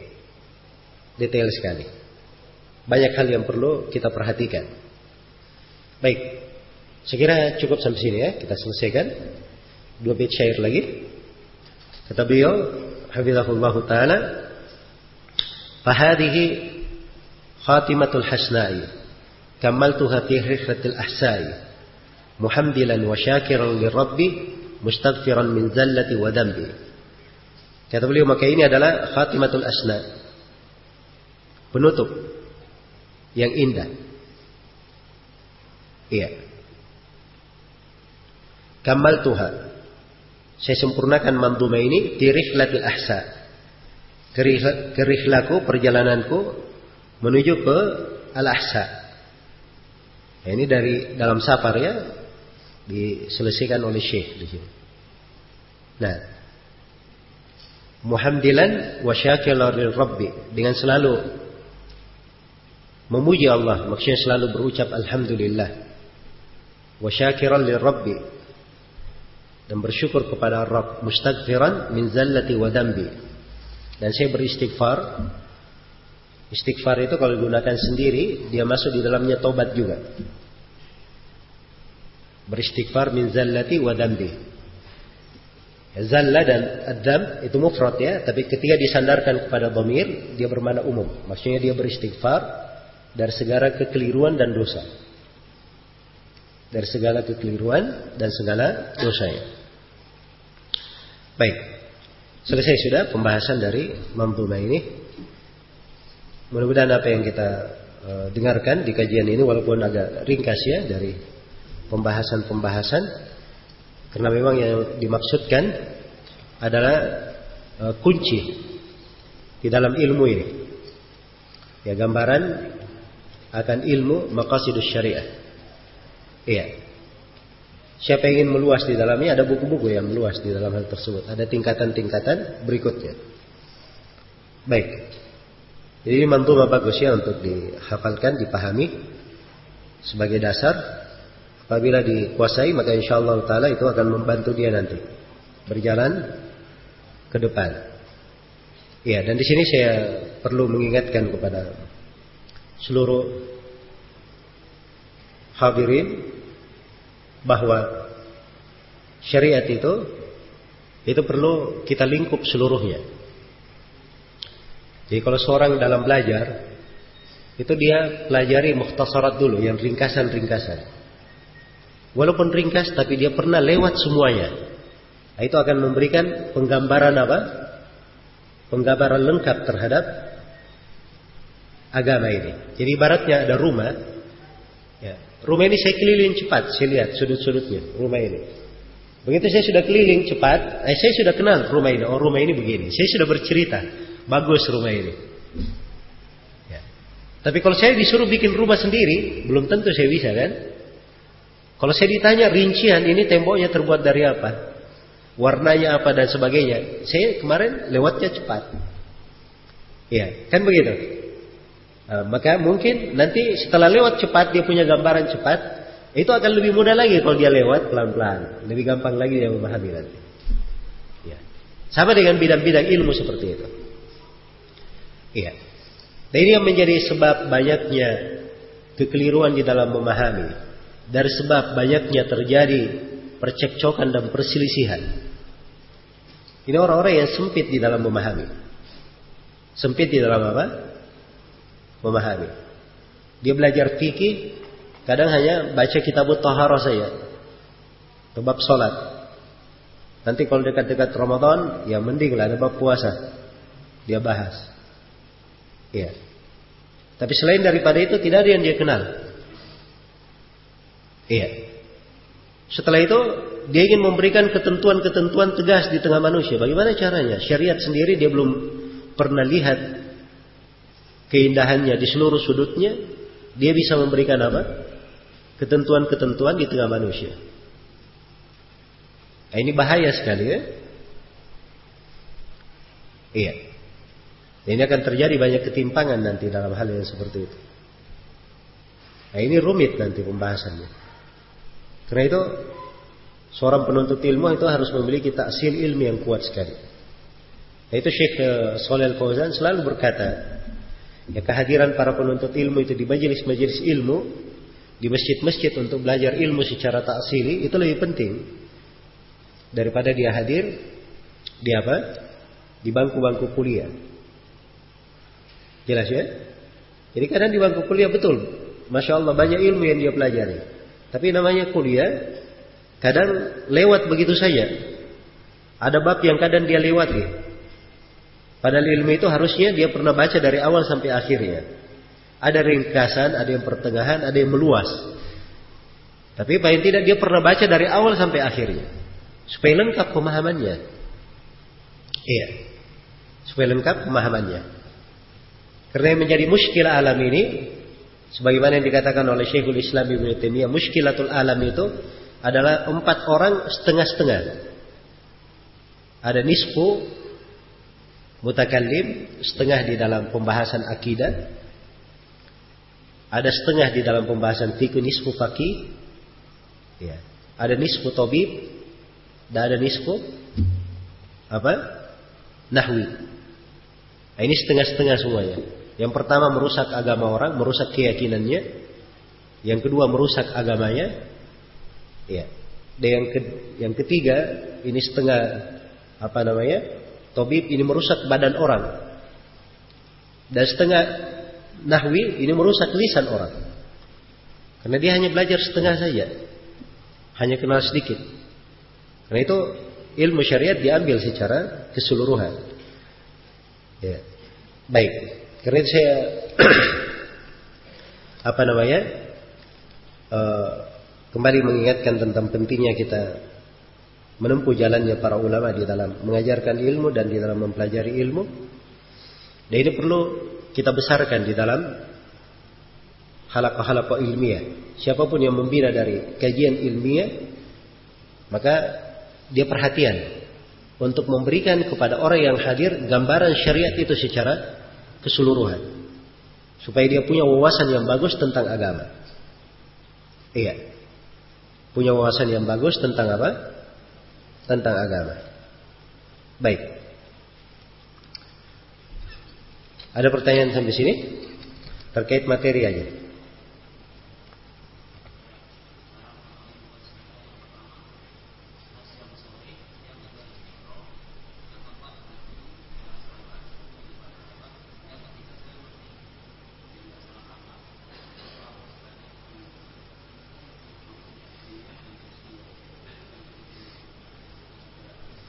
Apa? Tadi membedakan, maksudnya e, dari ketika ada makasid di situ, dia dapat makasid yang juz'iyah, dia bisa keluarkan darinya makasid al-asliyah. Iya. Ketika ada ikhlal di makasid juz'iyahnya atau di makasid dari asliyahnya, maka kelihatan salah satu dari makasid yang lainnya. Baik. Itu contoh ya yang saya berikan.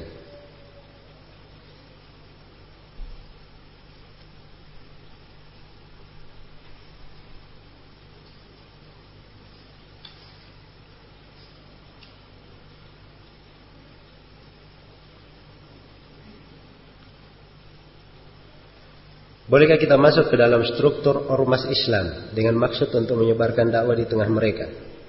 Baik kepada pengurusnya, anggotanya maupun simpatisannya. Ini pertama dia maksud masuk itu maslahat ya, ingin berdakwah. Tapi mafsadatnya apa? Hmm? Pertama dia sudah melanggar ayat-ayat Al-Quran dan hadis-hadis Rasulullah yang melarang untuk masuk di dalam apa? Tafarruqat ke dalam hizbiyat, ke dalam hal-hal yang membuat perpecahan di dalam agama. Itu yang pertama, mafsadatnya. Kemudian yang kedua, iya. Yang kedua, ini dia masuk di dalam maslahat, mungkin dia dapat, mungkin dia tidak dapatkan. Itu bukan maslahat, kalau dikatakan dhaniyah belum tentu, mungkin saja itu wahmiyah. Mungkin saja dia itu wahmiyah. Karena itu hal yang seperti ini seorang tidak masuk di dalamnya. Iya. Kalau dia ingin memperbaiki, cara memperbaikinya banyak. Dia tahu orang-orangnya, dia nasihati. Tidak perlu dia masuk di dalam.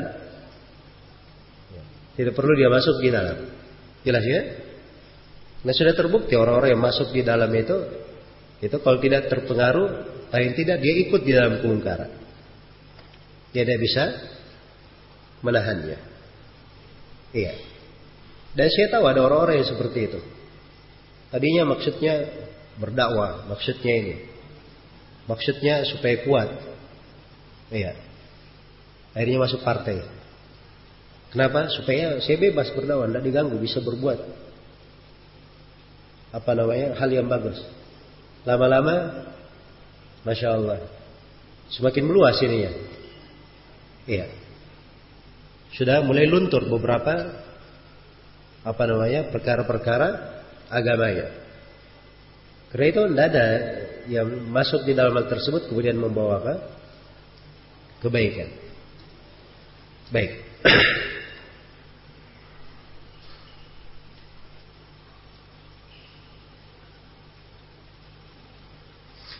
Bagaimana Syed Ustaz tentang perempuan yang menonton video dakwah dari lewat TV?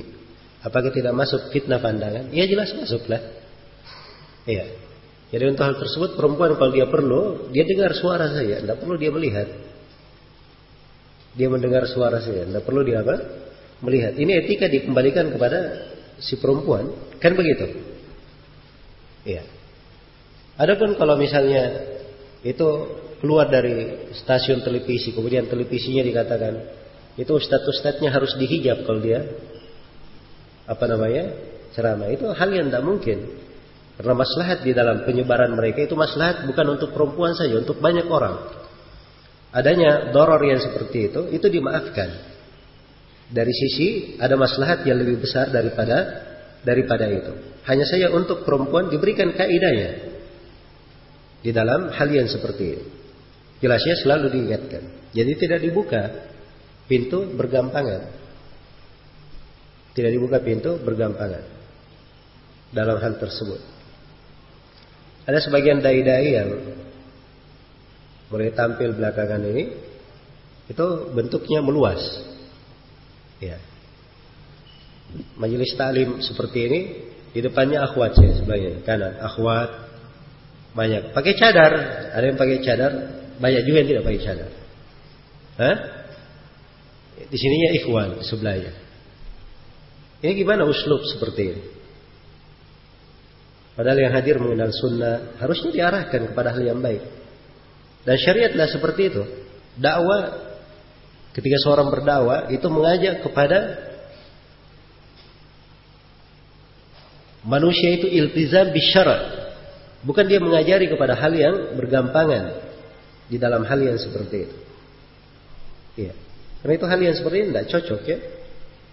Ya cocok. Terjadi pada seorang dai itu masuk dalam pintu bergampangan. Tidak sejalan dengan maqasid syariah. Dia mengambil maksud apa di belakang hal tersebut?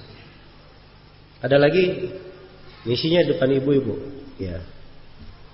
Ketika dikatakan, oh jangan ini dulu lah, jangan sangar-sangar dulu. Kalau kita langsung tirai, apa namanya? Uh, nanti langsung lari. Ya. Baik, kalau dia memang seperti itu tidak bisa langsung menirai, dibuat jauh dulu orangnya. Dia jauh di sana, dia Jangan dekat-dekat supaya ada apa? Paling tidak kejauhan itu memberikan jarak. Kan begitu? Maka ini ada hukum-hukum syar'i, dalil-dalil syar'i itu diperhatikan dalil-dalil syar'i tersebut. Jangan digampangkan. Baik.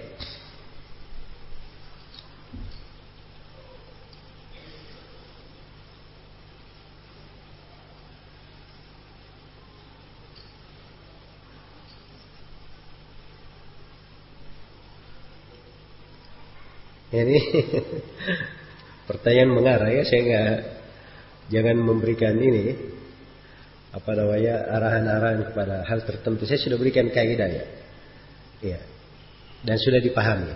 Siapa pun alimnya, dipuji oleh siapa pun oleh para ulama, ditazkiyah oleh apa pun, ya, alim tersebut itu dibawa ketentuan dari ketentuan-ketentuan syariat.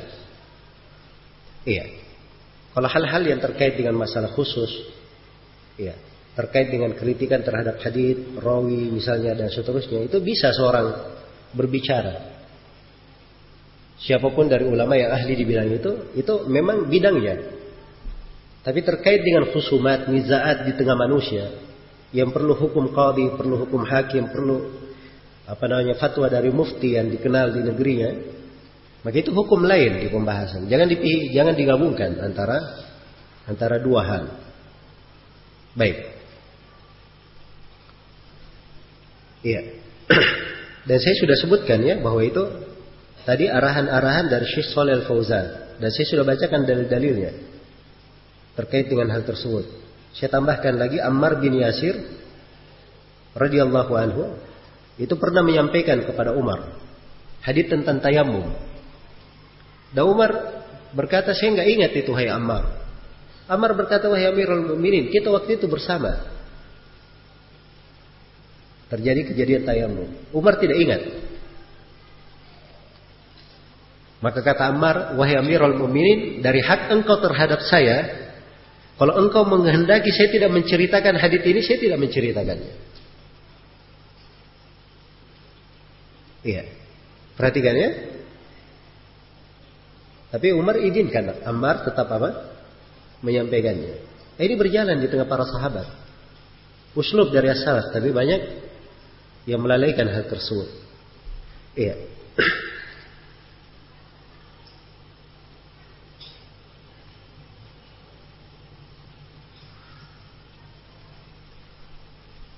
Baik ini terkait dengan masalah sirah sebagian dari para masyayikh kita.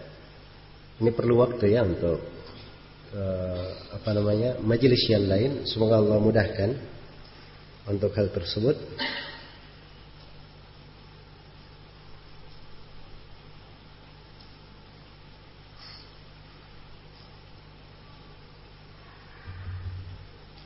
Bagaimana hukum poligami untuk PNS yang pemerintah melarangnya? Jika tetap melakukannya diam-diam, apa termasuk khianat kepada pemimpin? Ya Allah alam ya, saya tidak bisa jawab itu.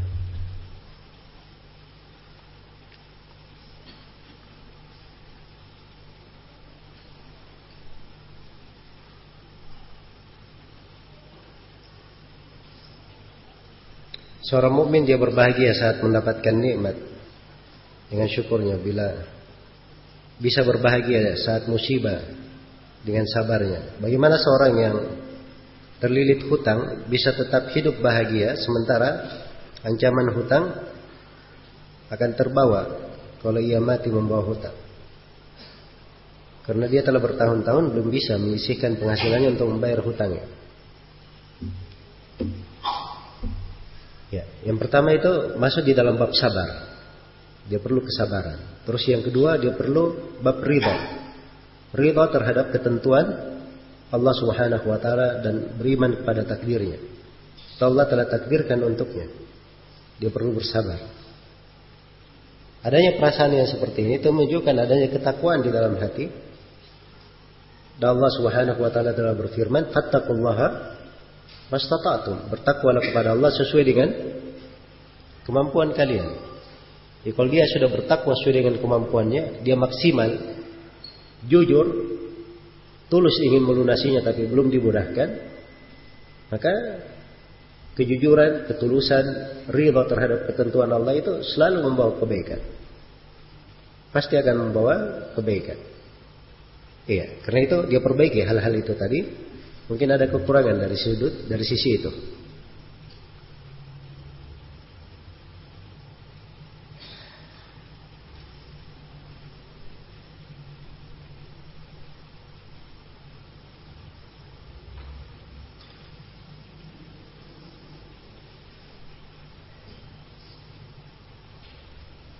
Manakah yang lebih maslahat bagi seorang istri yang mengajar di pondok dari pagi sampai sore yang mengakibatkan kecapean dari pekerjaan rumah yang tidak bisa diselesaikan? Ataukah dia tidak mengajar untuk bisa menyelesaikan pekerjaan rumahnya? Ini saya nggak bisa jawab ya pertanyaan kayak gini. Ini kembali kepada si penanya. Iya. Sebab seorang itu keadaannya bermacam-macam kita tidak tahu dari keadaan seorang itu. Apa sisi maslahat yang berada di sekitarnya, sisi hajatnya terhadap kegiatan tersebut, kemudian kesulitan-kesulitan dialami apa, dari situ dia pertimbangkan. Dia lihat yang paling banyak manfaat dan maslahatnya, dan dia lihat yang paling sedikit dari bahayanya. Kemudian kalau ada yang prioritas, dia lihat yang paling prioritasnya daripada yang cabang-cabangnya. Itu saja yang saya bisa berikan. Kalau memberikan jawaban untuk pertanyaan ini, ini agak sulit ya.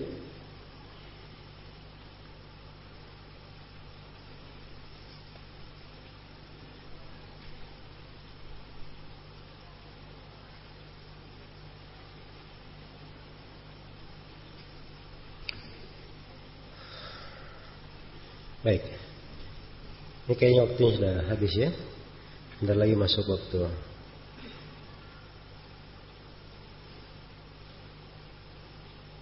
Kapan seorang itu bisa dikatakan mujtahid? Nah, ini panjang jawabannya ya. Kita harus belajar satu seperempat bab usul fikih. Sebab itu seperempat yang terakhir di bab usul fikih.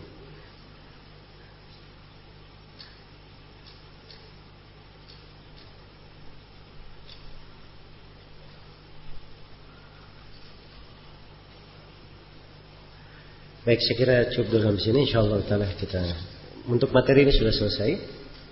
Hanya ada satu sisi nanti uh, tausiah umum setelah maghrib nanti. Ya Allah taala. Mudah-mudahan apa yang kita kaji untuk pembahasan materi ini ada manfaatnya untuk seluruh uh, hadirin dan mohon maaf atas segala macam kekurangan. Ya Allah taala alam. Subhanakallahumma wa bihamdik asyhadu an la ilaha illa anta astaghfiruka wa atubu ilaik. Walhamdulillahirabbil alamin. Wassalamualaikum warahmatullahi wabarakatuh.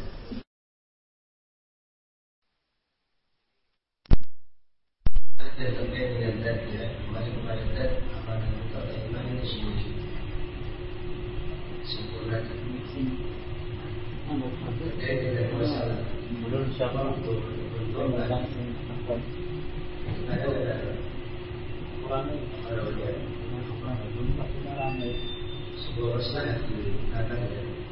Pertanyaannya itu. Misalnya seorang melakukan sholat pada waktunya yang berbeda. Berjalan di mana pada waktu itu ada masalah semuanya ada perhitungan yang dijaga di dalam syariat. Ya. Jadi tadi saya beri contoh ya, jadi di contoh ya. Contoh tadi orang yang melakukan perjalanan. Ya perjalanan. Selepas dulu.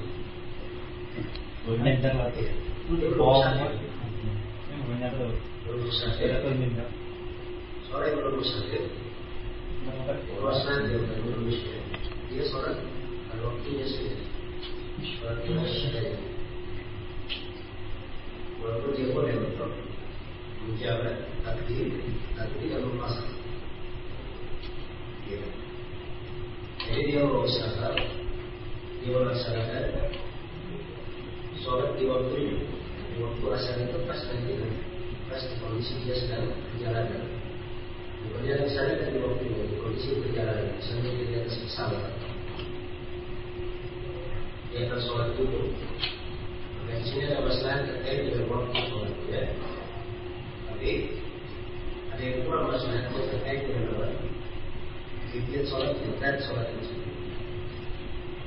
Tapi kalau di jalan takdir, ini ada masalah yang kurang dengan dia takdir. Ada tetapi untuk dan sholatnya sendiri dia akan sempurna. Tetapi lengkap sempurna. Karena ketika ada yang masalah ini didahulukan yang terkait dengan amal dan dari amalan ini maka didahulukan dari takdir menjawab takdir dengan untuk sholat. Baik.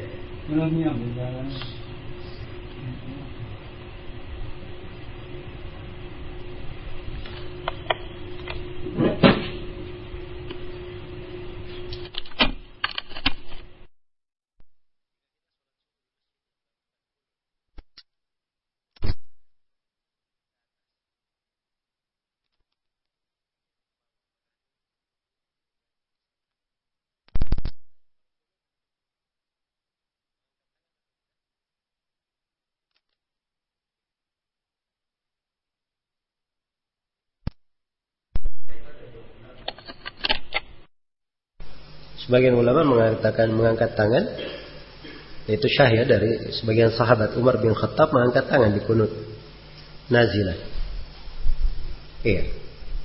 Dan ada sebagian ulama mengatakan bahwa tidak ada mengangkat tangan, tidak syahadit di situ.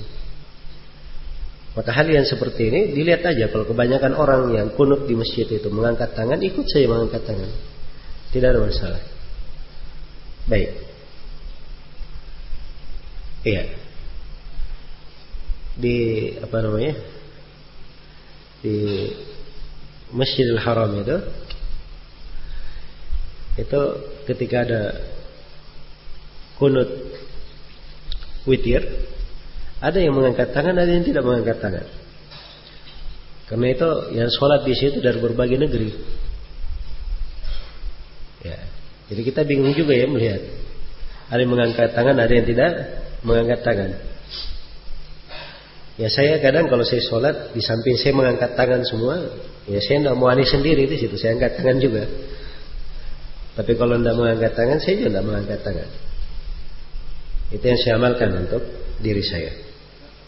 Iya.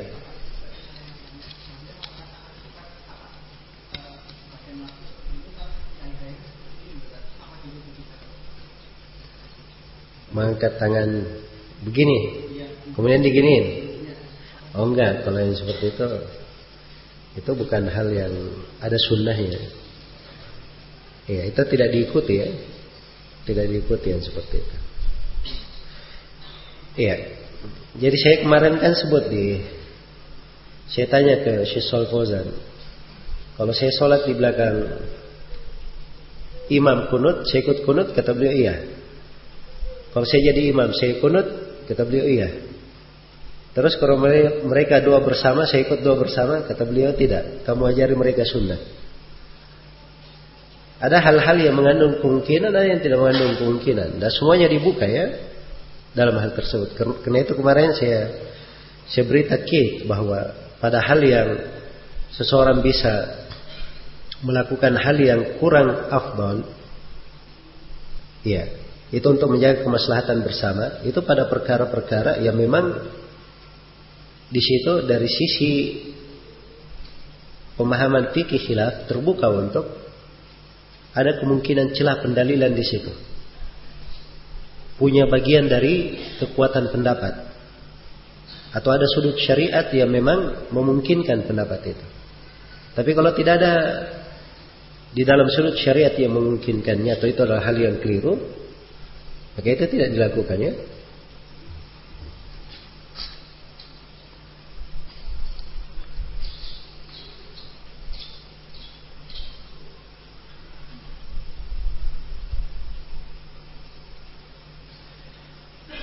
Bapak saya stroke. Kalau diajak bicara tidak dapat respon karena tersarang syarafnya dan pandangannya juga kosong. Pertanyaan saya apakah beliau masih terkena beban syariat seperti sholat karena setiap diingatkan untuk sholat beliau hanya diam saja ya semoga Allah memberi kesembuhan kepada semua yang sakit dari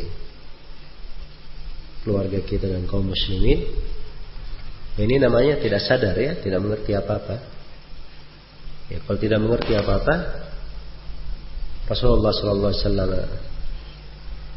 apa namanya telah menjelaskan ufi an ummatil khata wa nisyan wa mastukrihu alaihi.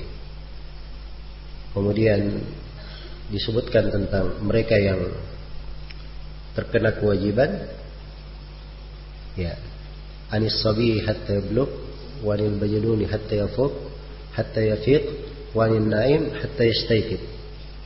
Jadi orang yang tidak ada sama sekali kesadarannya itu tidak ada, tidak diberikan beban. Itu sama dengan orang yang dikatakan tidak hadir kewarasannya. Demikian. Jadi kalau dia tidak bisa sama sekali memahami, tidak ada kewajiban sholat. Hanya saja kalau diingatkan, ada kemungkinan dia ingat, itu nggak ada masalah kalau diingatkan. Dan diajari sholat sesuai dengan kemampuannya. Kalau misalnya diingatkan dia sebenarnya dengar sadar, hanya saja badannya tidak bisa bergerak, maka cukup dia berisyarat saja untuk sholatnya. Berisyarat. Iya.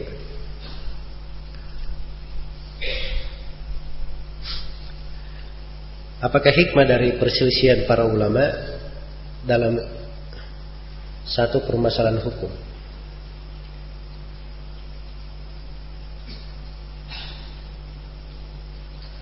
Apakah ada hikmahnya juga berpecahnya salafi di Indonesia.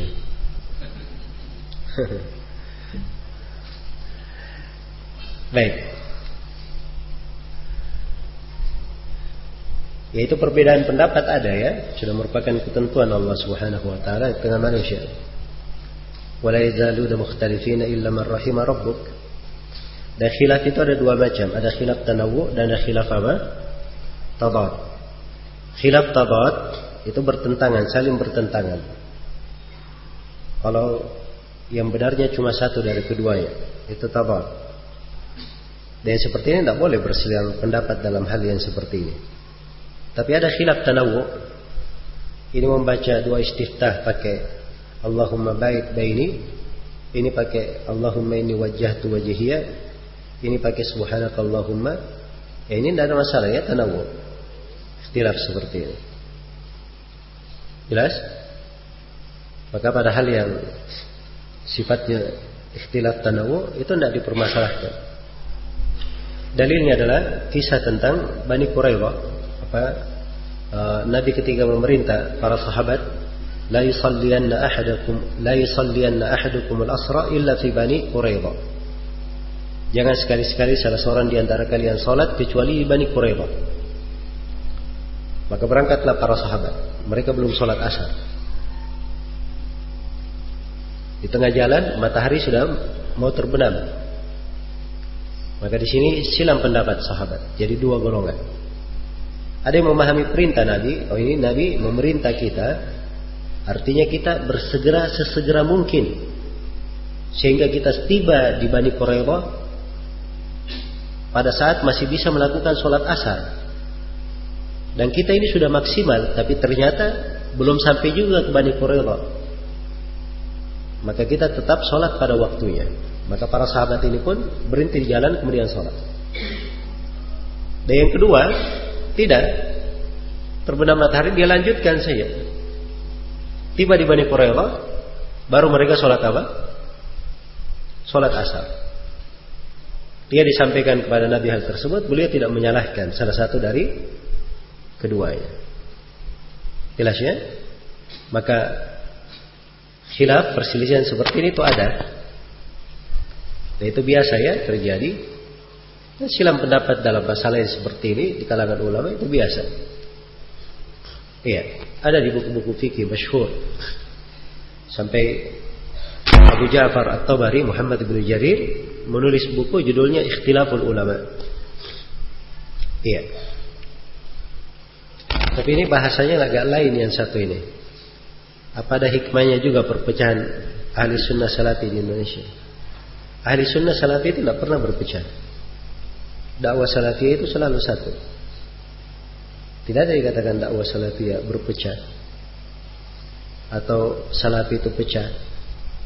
Itu bahasa yang dipakai oleh orang-orang hasad terhadap dakwah ini. Atau orang yang tidak mengerti dakwah salafiyah itu apa. Yang ada itu orang-orang yang ingin masuk di dalam dakwah salafiyah atau mengaku dirinya salafi atau dia sudah mulai punya kesadaran menempuh jalan as-salaf, kemudian dia keluar dari jalan as-salaf. Keluar dari jalan as-salaf. Apakah dengan bentuk penyelisihan atau penyimpangan? Ya, ada yang sebagian penyelisihannya mengeluarkannya dari ahli sunnah, ada yang sebagian penyelisihannya tidak mengeluarkannya dari ahli sunnah. Makanya seperti ini tidak bisa dikatakan dakwah salaf itu pecah-pecah. Jelas ya? Nah itu jangan memberikan kalimat-kalimat yang membawa kepada bentuk mencela syariat kita. Kebenaran itu kalau dikatakan berpecah repot namanya kebenaran berpecah. Membuat orang tidak suka nanti belajar agama. Menjadi zuhud terhadap dakwah yang hak. Iya. Kalau yang ditanyakan tentang orang yang suka melampaui batas, senang mentahdir serampangan, itu kesalahan orang-orang, oknum yang seperti itu. Dan itu banyak di mana-mana ada yang seperti itu. Dan itu ujian dan cobaan. Iya. Ujian dan cobaan.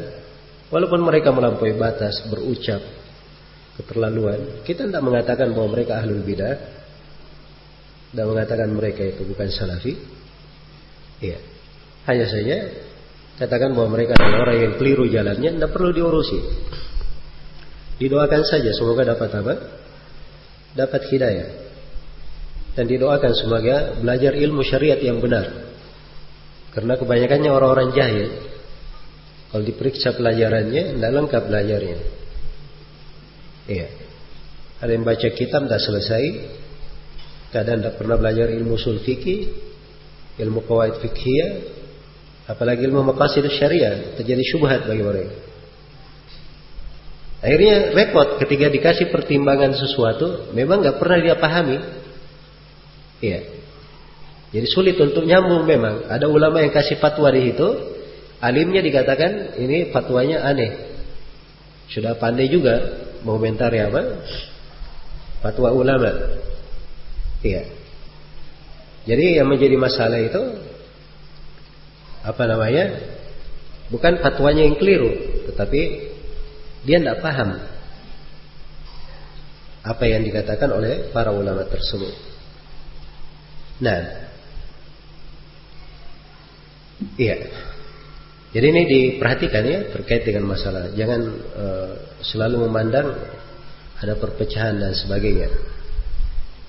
Dakwah salafiyah itu adalah sebuah dakwah sesuai dengan Al-Quran dan As-Sunnah.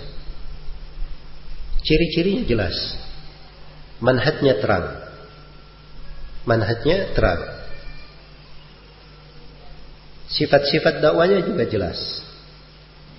Orang-orang yang menyimpan di dalam dakwah tersebut dalam bentuk membuat hizbiyah atau bentuk jatuh di dalam kekeliruan, masuk di dalam area politik, punya hubungan dengan takfirin atau masih terjangkit dengan pemikiran sururiyah atau keliru di dalam pembahasan keimanan, masailul iman, ada yang keliru di pembahasan takfir. Ini orang-orang yang keliru jalannya. Iya, keliru jalannya. Di antara mereka ada yang keluar dari ahli sunnah, ada yang tidak keluar, perlu dinasihati. Tapi secara umum, ya seorang ketika mengenal kebenaran, mengenal dakwah yang hak, dia tahu berbuat bagaimana. Iya.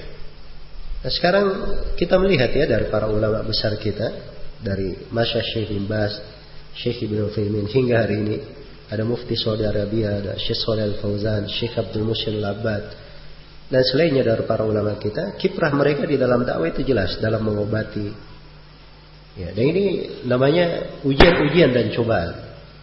Ujian dan cobaan itu perlu kesabaran. Perlu kesabaran. Dan ujian cobaan, tidak boleh seorang berbicara di dalamnya tanpa ilmu. Iya, sebab kalau dia bicara di dalamnya tanpa ilmu, selain daripada menambah masalah, dia juga berdosa. Dia juga berdosa di dalam hal tersebut. Iya. Kemudian kalau ada perselisihan itu mudah sebenarnya jalurnya. Mudah jalurnya. Mudah untuk diselesaikan. Hanya saja yang menjadi repot itu ketika para ulama besar sudah berbicara, para ulama besar sudah memberikan ketentuan, itu ada yang menyelisihinya. Misalnya terkait dengan Ali Hasan Al-Halabi. Ada fatwa lajnah daimah terkait dengan masalah Ali Hasan Al-Halabi. Ada fatwanya Syekh Abdullah Al-Gudayyan, Syekh Shalal Al-Fauzan. Iya. Hal-hal yang seperti itu tidak usah seorang apa namanya masuk berbicara kemudian ada fatwa ulama seakan-akan dia tidak perhatikan ada yang sampai berkata ini lajnah dai masalah baca iya Padahal mereka mengobati masalah itu dengan pengobatan yang luar biasa mengobati masalah itu. Dan memang benar ketika muncul masalah-masalah yang dimunculkan oleh Hasan Al-Halabi di pembahasan irja itu menjadi besar. Dan semoga Allah membalas kebaikan para ulama lajnah daimah. Mereka mengobati dari awal hal-hal yang seperti itu. Diobati dari awal.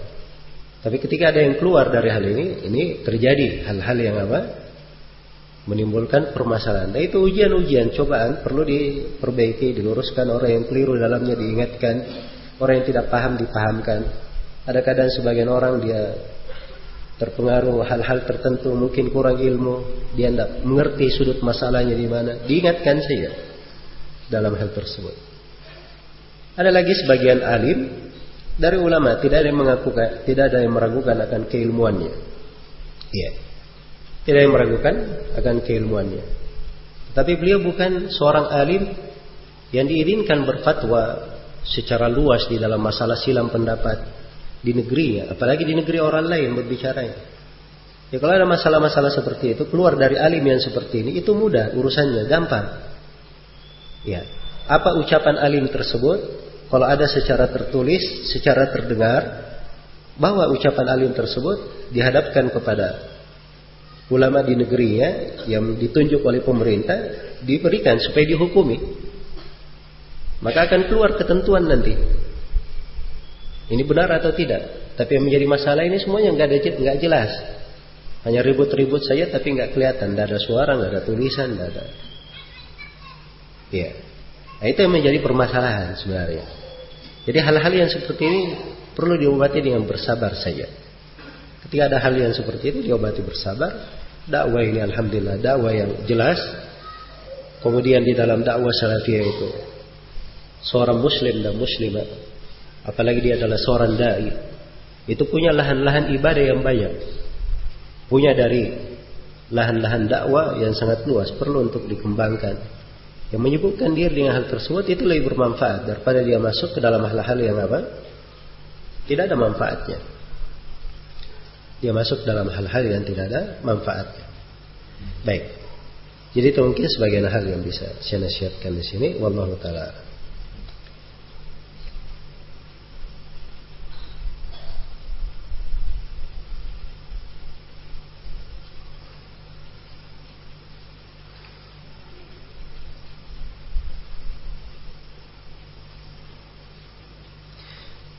Bolehkah mengganti lafaz hadith doa? Yang dimaksud mencapai maksudnya. Contohnya ini menjadi ana.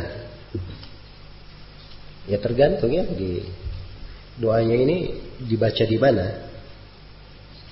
Kalau misalnya dia di dalam sholat dan di dalam sholat itu ada teks riwayat, diikuti teks riwayatnya. Karena Nabi bersabda, "Sallu kama ra'aitumuni usalli." Harus sesuai dengan nasnya semampu mungkin. Jelas ya? Karena itu di dalam sholat Nabi takbiratul ihramnya pakai Allahu Akbar. Pakai Allahu Akbar. Iya. Idza kunta ila sholati fastaqbilil kiblah thumma kabbir. Dan disebut fakabbir kan? Bertakbir. Takbir itu Allah Akbar ditafsirkan di riwayat yang lain.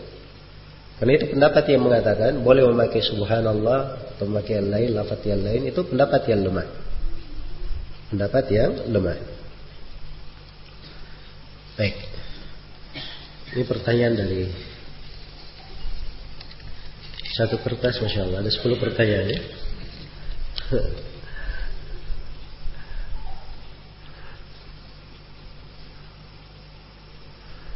Apabila ada orang yang masuk masjid, dia melihat imam sedang rukuk,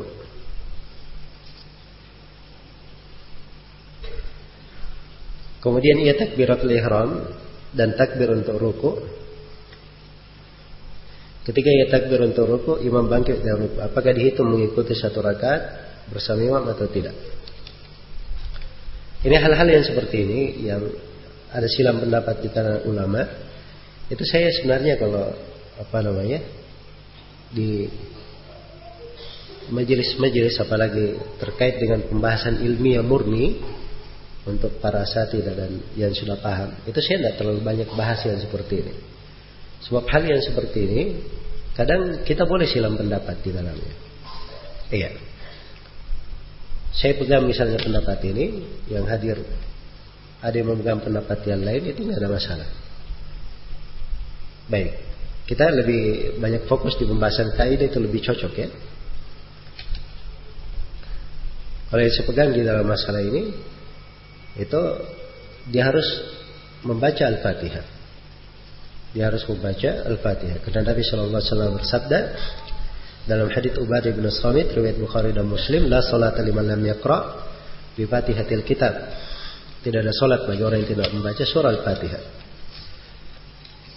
Adapun hadis yang menyebutkan kalau dia dapati imam dalam keadaan ruku dihitung satu rakaat, itu hadisnya ada kelemahan.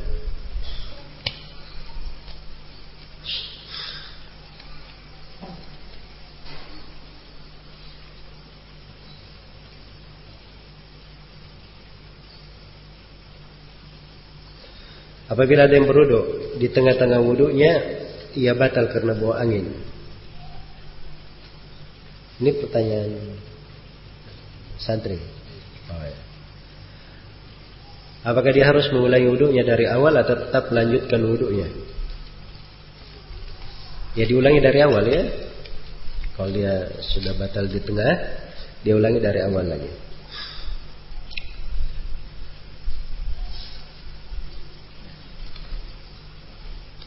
Baik. Telah diketahui bahwa syirik itu menghapus amalan-amalan. Maka apabila dia bertobat, amalan-amalannya akan kembali atau mengulangi dari awal lagi.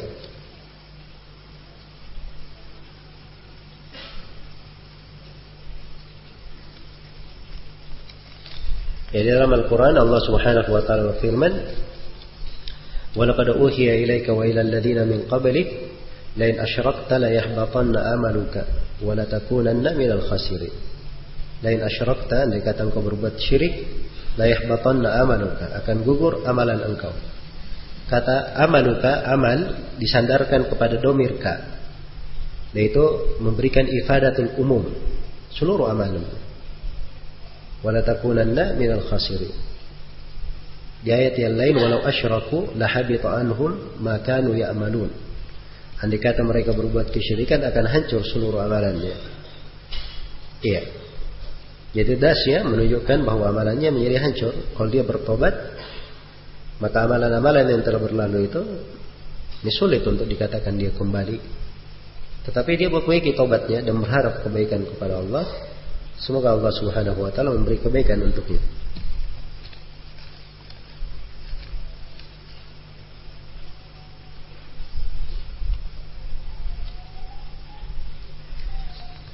Ketika sholat witir tiga rakaat langsung, apakah duduknya iftirash atau tawarruk? Kalau tiga rakaat langsung berarti tasyahudnya berapa kali? Hmm? Satu kali saja. Dihitung tasyahud pertama. Tasyahud pertama duduknya apa? Duduknya adalah duduk iftirash.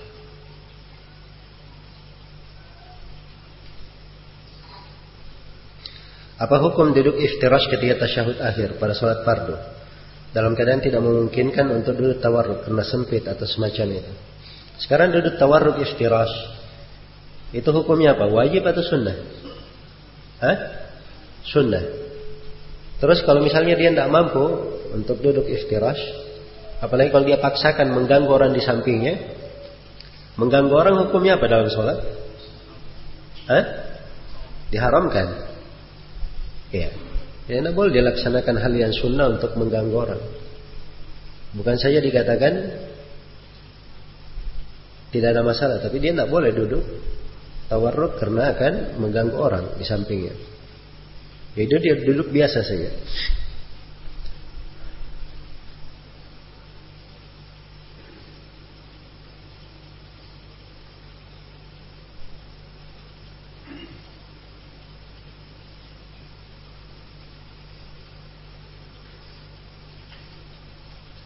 من لم يدع قول الزور والعمل به والجهل فليس لله حاجة ya yada ta'amah wa syarabah.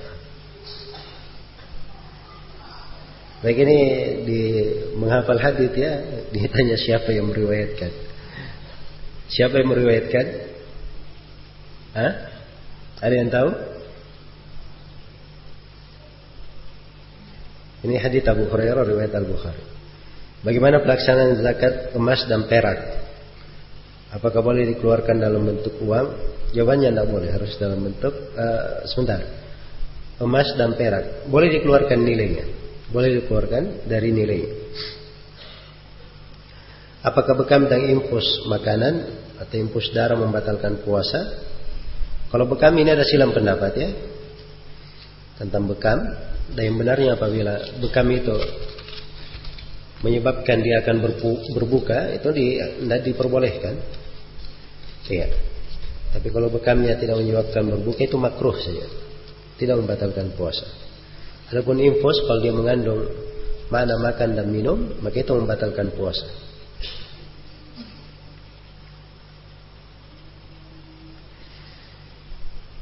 Ini minta nasihatnya agar hati tetap tenang dalam keadaan apa pun. Iya. Yang paling pertama dia belajar tauhid dengan benar. Sebab seorang itu kalau bagus tauhidnya, di kondisi apa pun tidak berpengaruh baginya. Nah itu kita pelajari dari sirah para nabi, para rasul. Seperti itu keadaan mereka. Karena besarnya tauhid, keimanan di dalam hati. Kemudian yang kedua, dia banyak berdoa kepada Allah. Yang ketiga, dia perbaiki dari tawakalnya kepada Allah Subhanahu wa taala. Iya. Kemudian yang keempat dia banyak berzikir. Banyak berzikir kepada Allah Subhanahu wa taala dan di antara hal yang sangat membuat seorang itu tenang itu dia memperhatikan keimanannya kepada takdir. Keimanan kepada takdir itu memberi pengaruh yang luar biasa di dalam tenangan hati seorang hamba.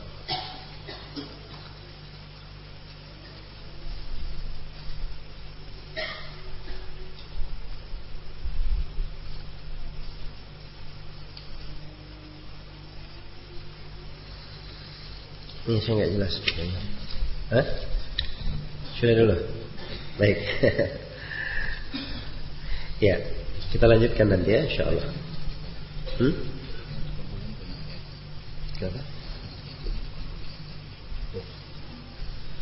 Baik, saya cukupkan dulu sampai sini. Insyaallah taala kita lanjutkan lagi di sesi berikutnya setelah sholat asar. Subhanakallahumma wa bihamdik asyhadu an la ilaha illa anta astaghfiruka wa atubu ilaik walhamdulillahi rabbil alamin. Wassalamualaikum warahmatullahi wabarakatuh.